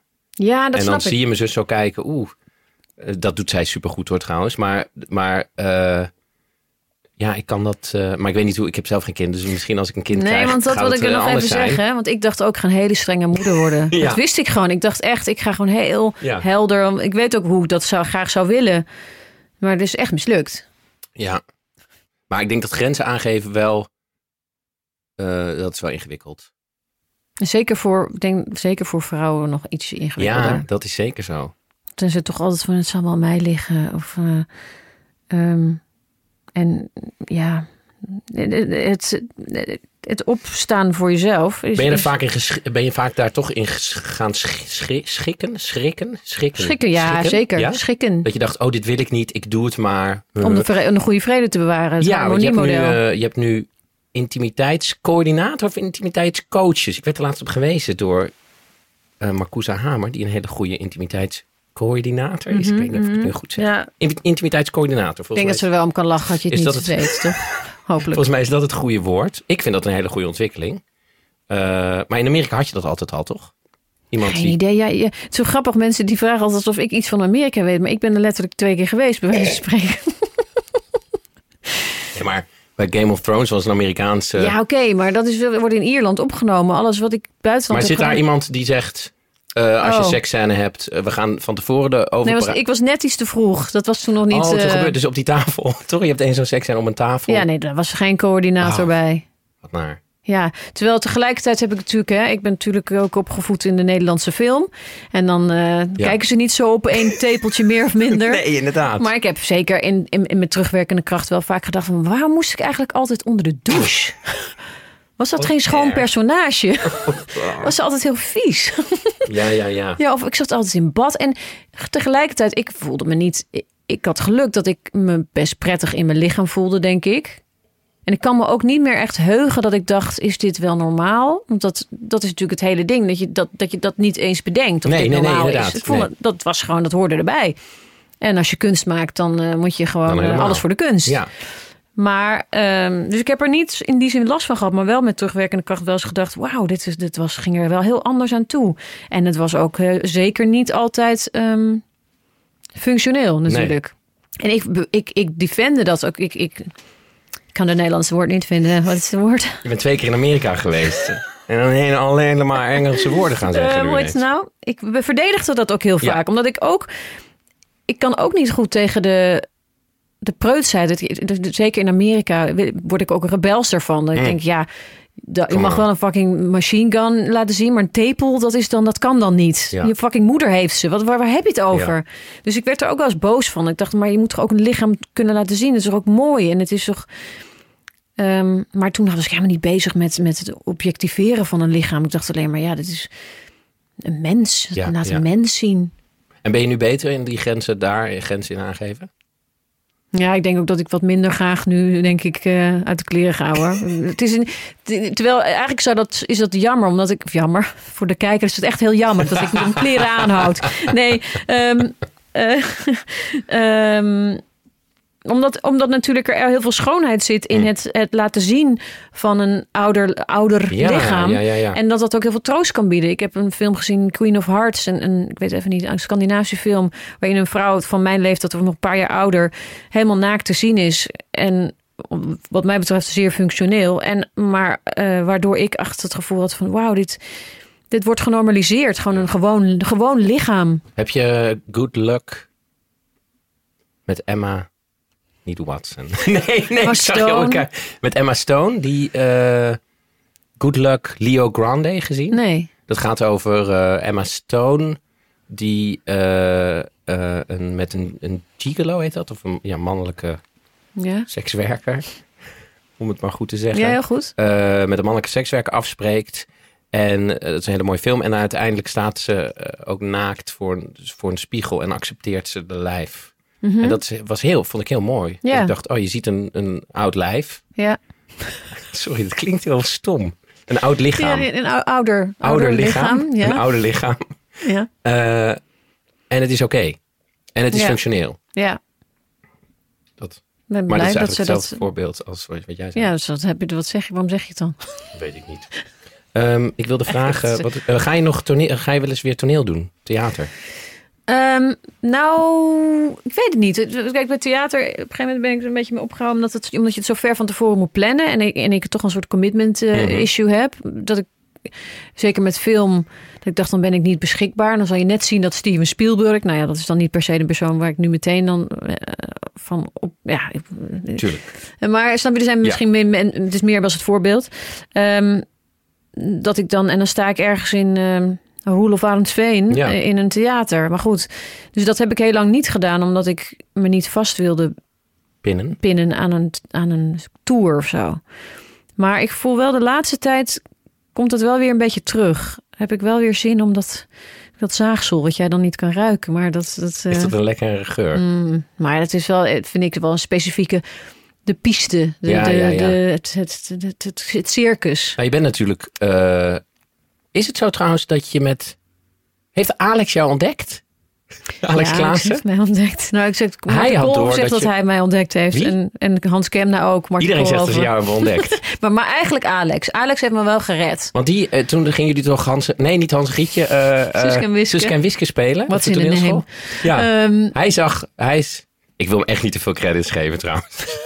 Heeft al genoeg credits. nee, dat is wel waar. Maar, Maar- ik denk dat hij het heel leuk vindt, stiekem. Dat wil ik zeggen. Ehm, Eh, hij zegt helemaal niet, ik heb haar ontdekt. Nee, dat zegt hij helemaal niet. Maar eh, hij zag je komische talent, toch? ja, klopt. We, wij wij werden vrienden. En, eh, en toen... Verder is het echt een lul. Laat ik dat Ja, ook al even. een zak. Wat een zak. Nee, sorry, ga door. Ehm, Nee, eh, eh, hij zag inderdaad, we, we, hadden, we waren bevriend en we hadden dezelfde smaak, denk ik. We, we hebben ook heel vaak mensen volgens mij gekeurd op of ze wel kennen. leuk vonden. Ja. En dan, als het niet zo was, dan, ja, dan lach je er gewoon uit. Ja. En dus daar bonden we heel erg over, denk ik. En een Is het soort. nog steeds zo dat als iemand Thea niet kent, dat hij er dan uit ligt? Nou, nee, maar het, het zegt wel iets over. Je smaak. en- Ja, en hoe je, eh, hoe je bent opgevoed met hom, hu- humor. humor. Humor. Ja, eh, snap je? Het zeggen zegt ze wel hammer. iets. Je kunt wel. hammer. Hammer. Movie with a lot of hammer. Hammer. Ehm eh, wat wil ik zeggen over Nee, dat, eh, dat het, als je Thea, dan ben je wel, hou je van een bepaald soort humor. Ja, denk het wel. Ik denk wel dat dat een, een vrij specifieke manier is van naar de dingen kijken. En, en ja, een specifiek gevoel voor humor, denk ik toch wel. Elke van die tijd misschien, weet ik niet. Ehm, maar en, en Alex en ik hebben wel, delen wel een bepaalde hypergevoeligheid, denk ik. En dat is eigenlijk nog steeds zo. Ehm, die we, dus we, we, we, we deelden de humor, maar ook een, een, ja, een hele erge gevoeligheid. En, en Ja. dat, daar, daarvan maakten we een theatervoorstelling. En die werd heel eh, succesvol. En toen, dat was ook de reden waarom, denk ik, meneer Wijsman uiteindelijk eh, zijn portefeuille porte- op ja. tafel legde. En zei: Nee, ik heb toch echt iets gezien hier en dat moet blijven. Ja. Ik vind het altijd zo fijn dat jullie zo'n goede vriendengroep hebben. Dat is wel bijzonder, hè? Ja, jullie hebben zo'n club van, van tien of zo, wat is het? Zonder aanhang dan? Ja, zo'n tien mensen. Ja, best ve- veel, ja. De, de Purmer Club. Ehm, terwijl we zijn niet allemaal niet eens allemaal dezelfde klas. Maar Het dat, is echt een soort vriendengroep. ja, en grappig genoeg zijn ook alle mensen eigenlijk allemaal heel succesvol geworden. En, en niet allemaal op hetzelfde moment. Maar er is er niemand bij die. ehm, Veranderde dat dan als iemand ineens succesvol werd? mm, nou, niet voor mijn gevoel, maar misschien eh, is dat voor mij anders. Jij was de eerste. Ja, ik denk het wel. Nou, Alex ook wel. Maar nou, ik denk dat ik sneller een soort van grote, grotere bekendheid kreeg. Maar grappig genoeg, als je nu... Op een gegeven moment, eh, een vriend van ons zat dan ook een tijdje in goede tijden, slechte tijden. Ja. En ik zat toen nog wel op de toppunt van mijn roem. Zo die tijd van Minoes de Jij was toen echt het grootste. Maar dan eh, waren we op, gingen we naar de Efteling. Want we gingen vaak dan blowen en, en drugs nemen in de, maar, in de Efteling. Nu.nl. Dit wordt nu. Dit wordt nu punt, Nee. Ehm, nee, dan gingen we het blowen in de, in de Efteling. En dan ehm, weet ik nog dat inderdaad dat niemand mij herkende. Maar eh, alle anderen. Maar dat is nog steeds zo bij al mijn vrienden. Dus ik kom er altijd heel, heel lekker mee weg. Ja. Op een of andere manier. Ik ben toch een soort van... eh, ja, toch die albino, die, die, die, challenge, die ch- channel ik dan, denk ik. Nou, het is toch leuk. Ik heb ook zo vrienden die dan zo, zo nou Elise Schaap, die dan ineens zo. en dan denk ik altijd, denk ik zo, eh, verandert ook weinig. Want je, ik weet, gewoon- ik weet gewoon hoe, je kent elkaar, van- jullie kennen elkaar dan ook allemaal van de toneel. Dus je weet ook gewoon, je hebt ook gewoon iemand zien huilen in een hoekje. Ja, met een deken of, over of de- zien kakken in een hoekje kakken, ja. of whatever. Ja, Ja. dus dan verandert het toch weinig. En ik vind het altijd heel ontroerend als je zo vrienden, ik weet niet of jij dat ook hebt met je vriendengroep, dat je zo eh, eh, of een film ziet waar iemand inspeelt of een theater. Ik vind het altijd heel ontroerend dat je denkt, oh wat goed. Kan jij objectief naar je vrienden kijken? Nee, niet echt. Nee, ik zit ook altijd toch wel als een familielid ernaar te kijken. Als ik Alex bijvoorbeeld zie, Ja. dan voel ik me ook echt zijn moeder. Dan zit Ja. ik gewoon te huilen van trots als een soort van moeder. Ehm, maar en dan zie ik wel ook echt Alex die deze voorstelling heeft gemaakt. Dus er komt nog veel meer bij. En, en, en, al mijn vrienden overigens die, eh, die, die dingen maken. Ehm mooie stilte even. Ik weet niet waar ik naartoe ging. Eh, over eh, of je, eh, hoe, hoe, dat je, dat er veel verandert, maar ook niks. Bij Ja, vrienden. en wat ook heel leuk is, vind ik, dat het, misschien is dat nog een teken van ouderdom, maar dat als, ik, als we elkaar nu zien, dan het gaat wel over waar we mee bezig zijn en met toekomstige plannen en zo, maar uiteindelijk is het voornamelijk gewoon oude koeien uit de sloot Nou, halen en dat- maar blijven herhalen en, en de anekdotes die al dertig keer gaan her, herkoud.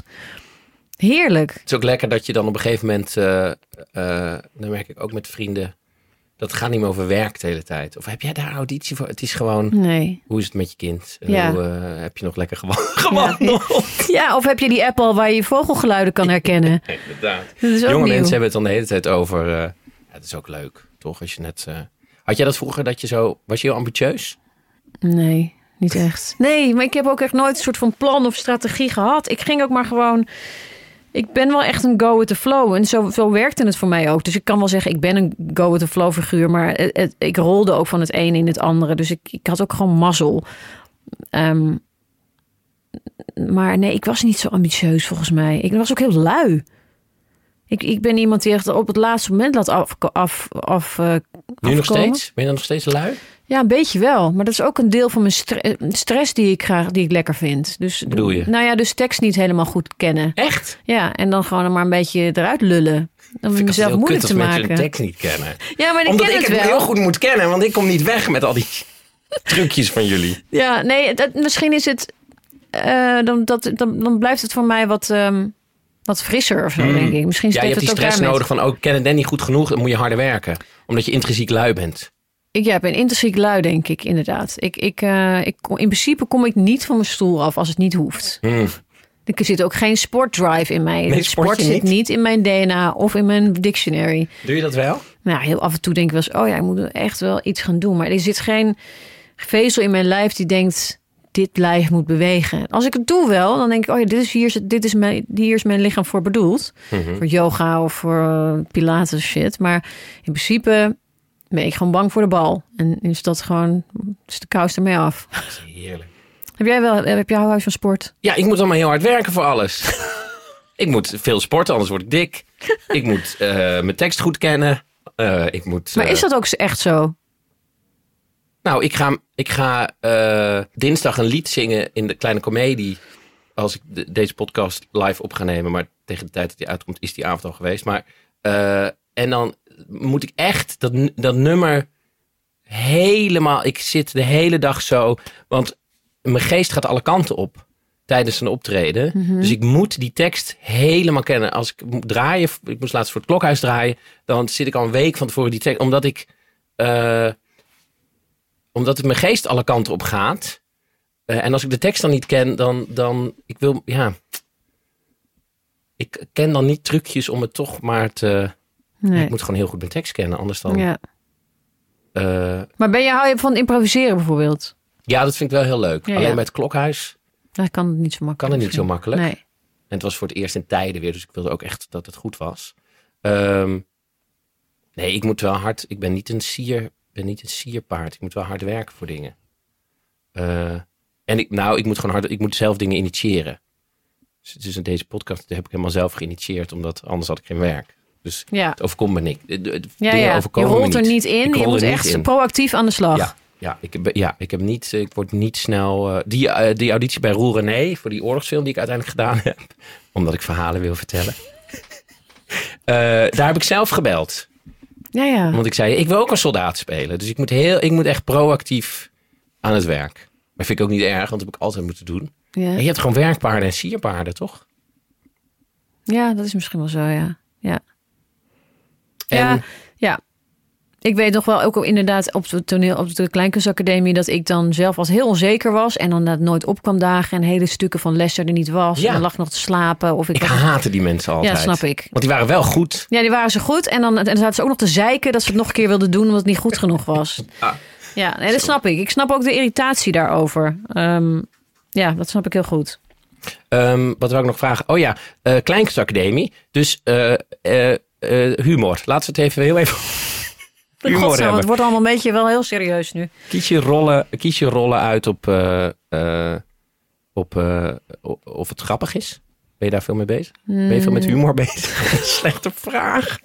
Ben je veel met humor bezig? Nou, ik moet zeggen, kijk, zoals ik het altijd een beetje zie, is als ik iets, zeg maar, op op papier een serieuze rol eh, lees, dan kom ik altijd vanuit een comedy-engel Ja. erin en andersom. Dus Daarom vond je die heks misschien ook moeilijk, want die had geen ja, humor. die had geen humor en ik probeerde het Ze was steeds. zo serieus. Zo fucking serieus. En ik probeerde, op een gegeven moment was er één seizoen waar ik een grapje in had gemaakt. Dat was ook meteen mijn favoriete scène. Ehm, dus ik, ik, ik, ik vind ook echt dat het naast elkaar moet bestaan. Anders vind ik het gewoon een saai karakter. Ja. Dus daar ben je wel mee bezig. Ja, zeker. Kan ik er iets lichts van maken? Kan ik van dit zware personage iets een andere kant laten zien? Kan ik van dit hele grappige personage een, een, een treurige kant laten zien? Mm. Ja. Dat vind ik zo mooi. Bijvoorbeeld aan, aan Ricky Gervais, die dan, ik weet niet of die scène nog kent van hem in die ehm, in het Big Brother huis. Ja. Wel, dat hij dan zo Ja, de camera dat- in kijkt ja. en dan naar zijn vriend, aan, tegen zijn vriendin zegt van... eh, ja. ja, Dat dat vind ik zo, zo mooi. En, en dat, daar zie je natuurlijk ook de, de, de, de, de treurige clown. Dat, Ja. dat hij natuurlijk heel goed weet wat, wat pijn en eenzaamheid is en zo. Maar dat allemaal eh, ja, met humor laat zien. Vind ik wel echt... eh, Waarom is dat dan zo? Waarom is dat belangrijk? omdat dat, omdat dat de waarachtig is. Omdat, het, omdat dat de weerspiegeling is van wat het leven is, vind ik.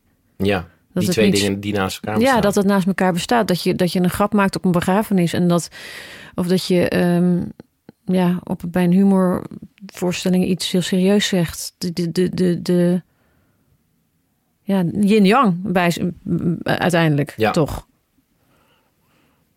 Ja, het is natuurlijk eh, makkelijk. Ik hoorde laatst iemand zeggen...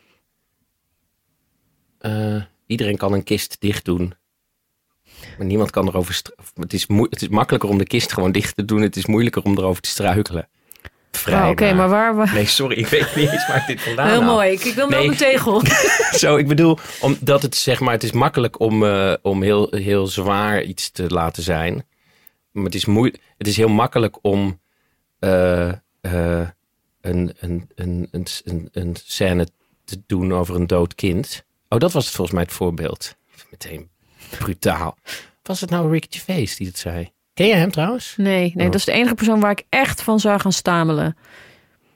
Ik trouwens over Alex gesproken. Dat zeg maar wat jij, daar moest ik net aan denken van dat je op een rode loper niet snapt waarom mensen je dan zo, hey, eh, Mhm. of een, een fan die gaat huilen. Eh, Alex die had het ook altijd, maar toen was ik een keer met hem in New York en toen gingen we kijken naar een voorstelling waar eh, Michael C. Hall in speelde, die Mhm. Dexter. Daar is hij heel fan van. En toen gingen we met hem op de foto. en toen was hij zenuwachtig. en ik toen zei hij later, zei hij, oh, nu snap ik wel eens dat fans dan met mij op de foto gaan en dat ze ook dat ik een trillend handje voel. Want Ja, hij was ja. ook helemaal toch Nee, maar dat snap ik bij ook Ricky wel. ik zou je dat echt hebben. Dat hij zo, Ja, zeker. Nee, maar ik vind, en ik vind hem ook wel een soort van aantrekkelijk in die zin. Omdat ik, omdat ik hem zo. Ja, ik heb zo één keer in het jaar dan zo'n droom over hem. Maar ehm, niet echt seksueel, maar wel romantisch. Oh ja. Ehm, maar eh, wat wil ik zeggen? Nee, ik heb ook. Ik heb dus ooit een, een kus van eh, Meryl Streep gekregen op Ja. mijn wang.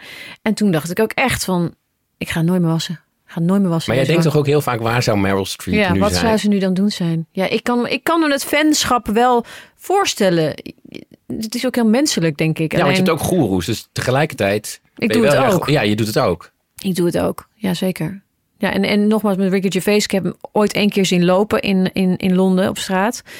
En toen dacht ik echt, zal ik er nu achteraan? Nee, dat ga, nee, dat ga ik echt niet doen. Ik ga niet achteraan rennen en dan iets vragen. Dat kan niet. Dat- Nee. Maar ik ging, mijn hart ging wel sneller kloppen, ja. Eh, we hadden het over, dat, eh, eh, over Ricky Gervais. ehm, oh ja, dat wou ik zeggen. Dat, ehm, de, het is makkelijk om een kind te laten sterven. Het is veel moeilijker om er grappen over te maken, over een stervend kind. Het is echt, Ja, ja. Ik weet, denk niet dat hij dit gezegd heeft. Ik zal het hem een keer Nou, ik weet het vragen. niet. Als Maar goed, hierin- het gaat erom dat, dat, dat humor of dingen, eh, wat jij doet, een personage vanuit een lichte kant en vanuit een humorkant, dat is heel Mhm. moeilijk natuurlijk. Om die twee, het is veel makkelijker om een heks te spelen die alles serieus. ne- Nee, dat was voor jou heel moeilijk. Ja, dat vond ik dus wel heel Ja. moeilijk. Maar, Omdat maar, je dat van nature natuurlijk doet. Dingen vanuit de humor bekijken. Ja, en ook omdat ik denk ik, eh, misschien maakt dat ook wel een acteur goed of niet. Ik weet niet. Eh, ehm, dat ik wel echt een, altijd een soort van observator ben geweest. En, en, eh, en nogmaals, zo, zo, omdat ik weinig principes heb meegekregen eigenlijk en weinig grenzen, vind ik ook alles niet zo, vind ik niks eigenlijk gek. En kan, Nee. ik, kan ik overal wel inkomen, letterlijk en figuurlijk. Dus, dus ehm, dat heeft er misschien ook een beetje mee te maken. Dat ik weinig eh, oordeel heb uiteindelijk. Ah, zo, ja, ja, ja, ja.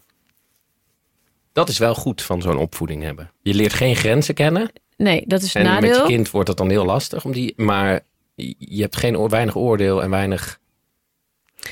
Ja, dus ik kan ook heel, ik kan ook, eh, denk ik, geef me tien minuten en dan kan ik op iemand verliefd worden, zeg maar. Ik, of en niet per se romantisch, maar ik, ik denk wel dat ik, ehm, ja, dat ik wel, ik vind mensen heel snel lief. Mm. En, en ik, ik zie snel wat eronder zit. Ja, ik weet niet of dat misschien ook een bepaalde naïviteit is hoor, maar en dat Nou is ja. ook soms niet helemaal waar misschien. Maar Je moet het natuurlijk ook een beetje hebben, anders kan je niet eh, mensen spelen.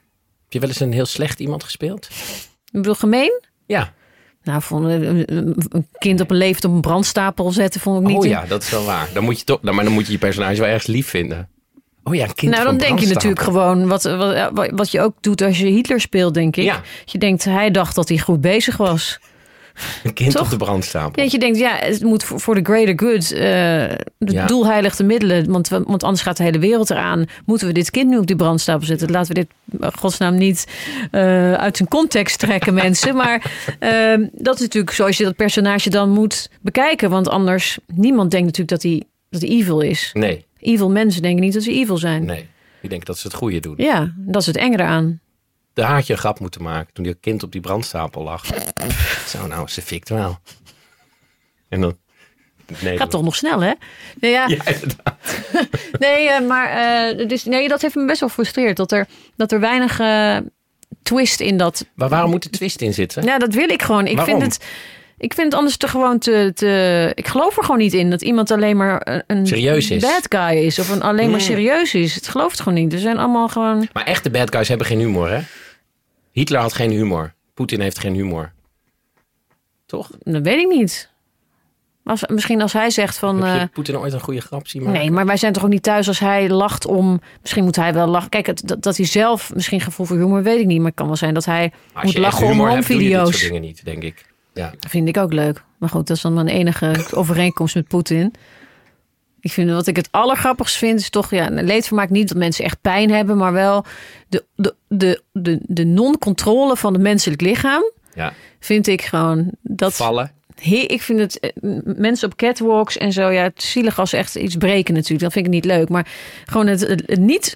Eh, de- Het decorum verliezen vind ik gewoon zo leuk en Ja. zo ontroerend ook om naar te kijken. Nou, vooral het herstel daarna. En, en doen alsof het niet gebeurt. Ja, dat inderdaad. En ook de. ehm, eh, het is ook een beetje dat. eh, ik ben er echt mee opgevoed met de Te land, te zee in de lucht. Het Ja. was of. eh, ja, het was of Laurel Hardy of Te land, te zee in de lucht. Ja. En dat je dan gewoon mensen. Pijn ziet hebben. Ja, maar ook vooral dat je de, de, de hele leading up. Dat je, dat je denkt, deze mensen hebben wekenlang in hun garage hun hele huwelijk genegeerd. Ja, En daar heel veel ruzie over gehad. Maar ja, want dit, dit, dit, dit bouwsel moest er komen. zeker. En dan is het dan binnen drie seconden kapot. Ja, dat Mijn, vind ik eh, gewoon daar zo ligt grappig. een vliegtuig, die heeft even gevlogen en is keihard neergestort. Daar waren mijn neefje en nichtje bij. Vooral mijn nichtjes waren dat, want dat zijn echt heksen. Die storten neer en nu zegt ze iedere keer, ga het, het vliegtuig weer proberen. Ha, ha, ha, ha, ha. Omdat ze het gewoon kapot willen zien gaan. Dat is wat mensen leuk Maar is dat vinden. ook niet humor? De Ja. timing ervan. Dat je de verwachting is van hij gaat vliegen. maar de timing, maar hij dondert meteen naar beneden. Ik zag laatst een filmpje van iemand die zo'n vliegtuig en, en die ging dan zo opstaan en dan stond er zo bij, hier heb ik een half jaar over gedaan. En dat vliegtuig steeg op en dat ramde keihard een kind gewoon. en dat hele vliegtuig was kapot en dat kind lag op de grond. Ja, dat is toch heel grappig. Ja. Iets wat kapot gaat is ook grappig. Misschien is dat het ook wel. Misschien probeer ik het allemaal te psychologiseren. Ja, hou ik maar, van, hoor. Maar eh, het eh, naar beneden, het laten we het niet eh, laten. Het is toch, als iemand valt, heeft hij geen ego.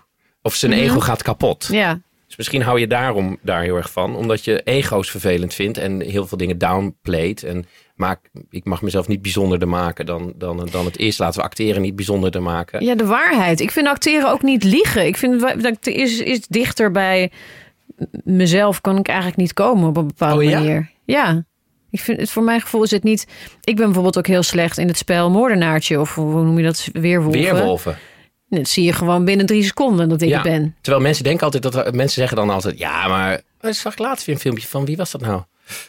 Nou, Een acteur die zei: eh, eh, iedereen kan acteren, want iedereen kan liegen, maar dat is iets anders. Dat is echt iets anders. Nee, dit kan ik niet goed. Nee, ik, Eh. ik word meteen rood en, kan het niet. Wat zou ik er nou over vragen? Ik wou iets vragen. Ik denk dat ik ook ADD heb. Heb ik nou nog een vraag? Oh, dat, het, dat, dat ik mezelf ben als ik speel. Oh ja, daar wou ik over vragen. Ja. Hoe, hoe, wat, wat is dat? Nou ja, ik weet niet of het echt mezelf is, maar dat ik wel een, een, een, ehm, ver, een uitvergroot gevoel voel van wat ik dan aan het spelen ben. En dat voor mij, als, omdat ik ook best wel veel in mijn hoofd kan zitten. Dus Mhm. ik ben wel een intuï- intuïtieve acteur, denk ik. Maar ik, ehm, ik ben niet zo per se heel goed in voelen. Ik kan wel heel, er komt heel veel binnen, maar ik kan het heel goed onderdrukken. Hm. Ik kan het heel goed weg eh, rationaliseren of analyseren. Terwijl als ik, moet, als ik speel, Oh. dan komt dat echt, gevo- dat is dan ook heel lekker voor mij. Dan mag het er therapeutisch. Ja. Oh ja. Dan mag je al, van alles voelen. Ja, dan is het binnen de du- de duidelijke en, en, en, en, en veilige kaders. Maar in mijn, in mijn dagelijks leven vind ik het veel moeilijker. Dus het is ook een, eh, ja, in die zin ook wel een beetje therapeutisch, denk ik. Als ik dat heel lang niet doe, dan moet ik het wel ergens anders in kwijt. Ah ja, ja, want je zit de hele dag gevoel onder te drukken. Ja, ik ben gewoon. Maar goed, hoe, je weet ook hoe langer, hoe, hoe harder je een bal naar beneden drukt, hoe, Hoe harder eh, je erg omhoog het eruit komt. ja. Dus je moet af en toe acteren om, om even weer te mogen voelen. Ja, en daarom vind ik het ook dingen als therapie en, en, en eh, is het voor mij ook prettig, omdat dan word je daarin geforceerd een beetje. Ja, ja, ja. Laat het maar, laat het maar, het mag er zijn, laat het maar. Ja. En, en eh, moet je dan als je acteert, ik zeg het maar even op deze. Ja.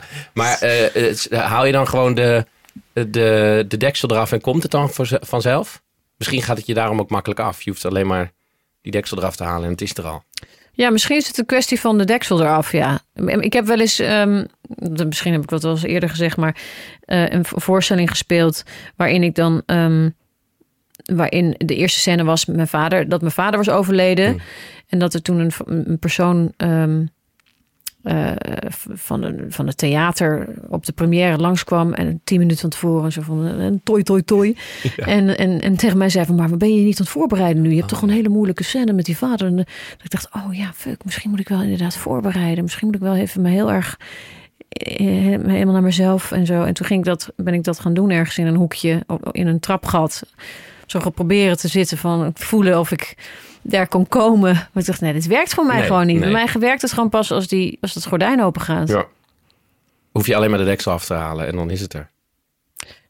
Ja, misschien wel een beetje. Ik bedoel, ik moet wel. Kijk, als ik echt iets, een heel moeilijke, een hele moeilijke eh, emotie moet spelen die vrij snel moet komen, dan, Hm. Dan ga ik wel naar een bepaalde plek die niet fijn is van tevoren. En dan, dat, dat kost me wel heel veel energie om daar dan te komen en zo. Dus Ja. het is niet zo dat ik, ik kan ook niet zomaar zo huilen of zo. Dat niet. Maar ehm, verder voel ik me wel vrij als ik speel. Vrijer dan in het gewone leven. Ja, dat hebben veel mensen hebben dat. Ja, Dat, dat, is, dat is wat ze dan fijn vinden. ja. Of, of het gaat over dan heb ik de controle die ik mis in het dagelijks leven. Of het is inderdaad, dan mag ik voelen wat ik in het dagelijks leven. Of Gijs Lange die zei het ook dat hij in, het, in de repetitieruimte voelde hij zich het meest vrij. Omdat daar mag alles. En in het Ja. dagelijks leven zit je toch de hele tijd, is dit oké wat ik nu doe? ja. Heel veel mensen, heel veel artiesten snappen het gewone leven niet zo goed. Comedians Nee. ook, die zijn natuurlijk allemaal, die, die kunnen ook niet small talk of zo.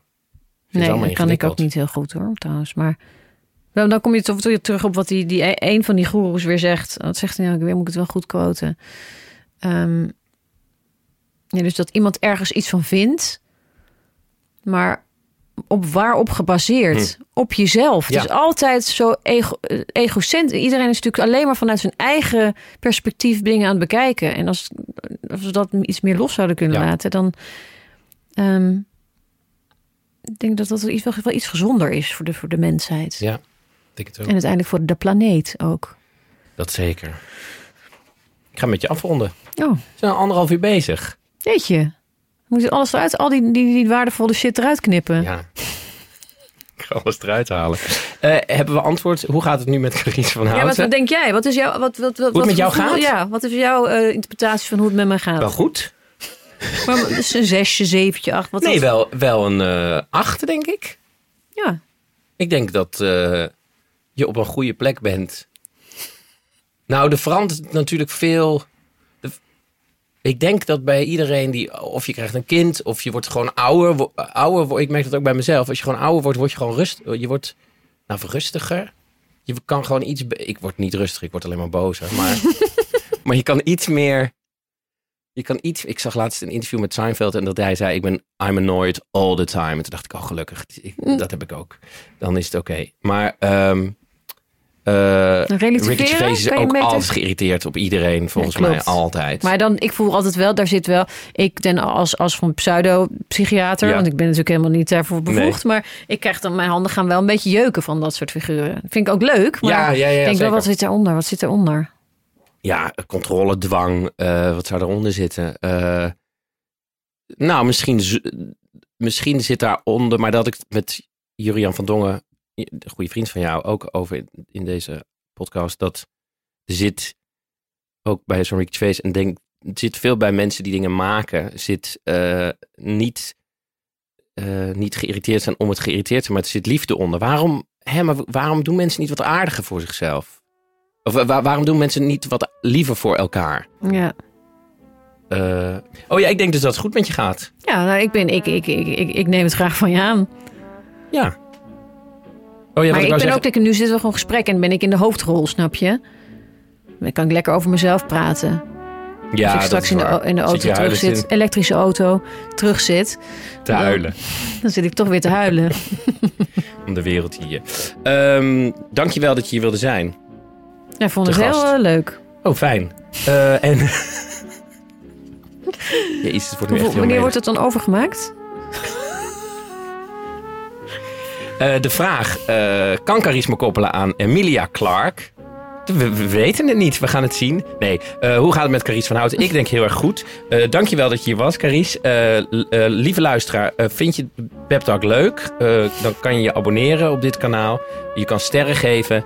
En ehm, wil je een samenwerking aangaan met deze podcast? Dan kan je een mailtje sturen naar Julia van Alem. Zij doet de acquisitie van mijn podcast. Dat is een duur woord voor sponsors regelen. Of nou niet sponsors, samenwerkingen regelen. En dan kan je een mailtje sturen naar...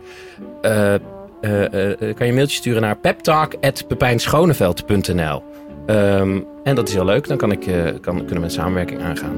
Dankjewel voor het luisteren. En tot over een week weer. En dan heb ik weer een aflevering met Alex Ploeg en Christine de Boer. Dag! Dag.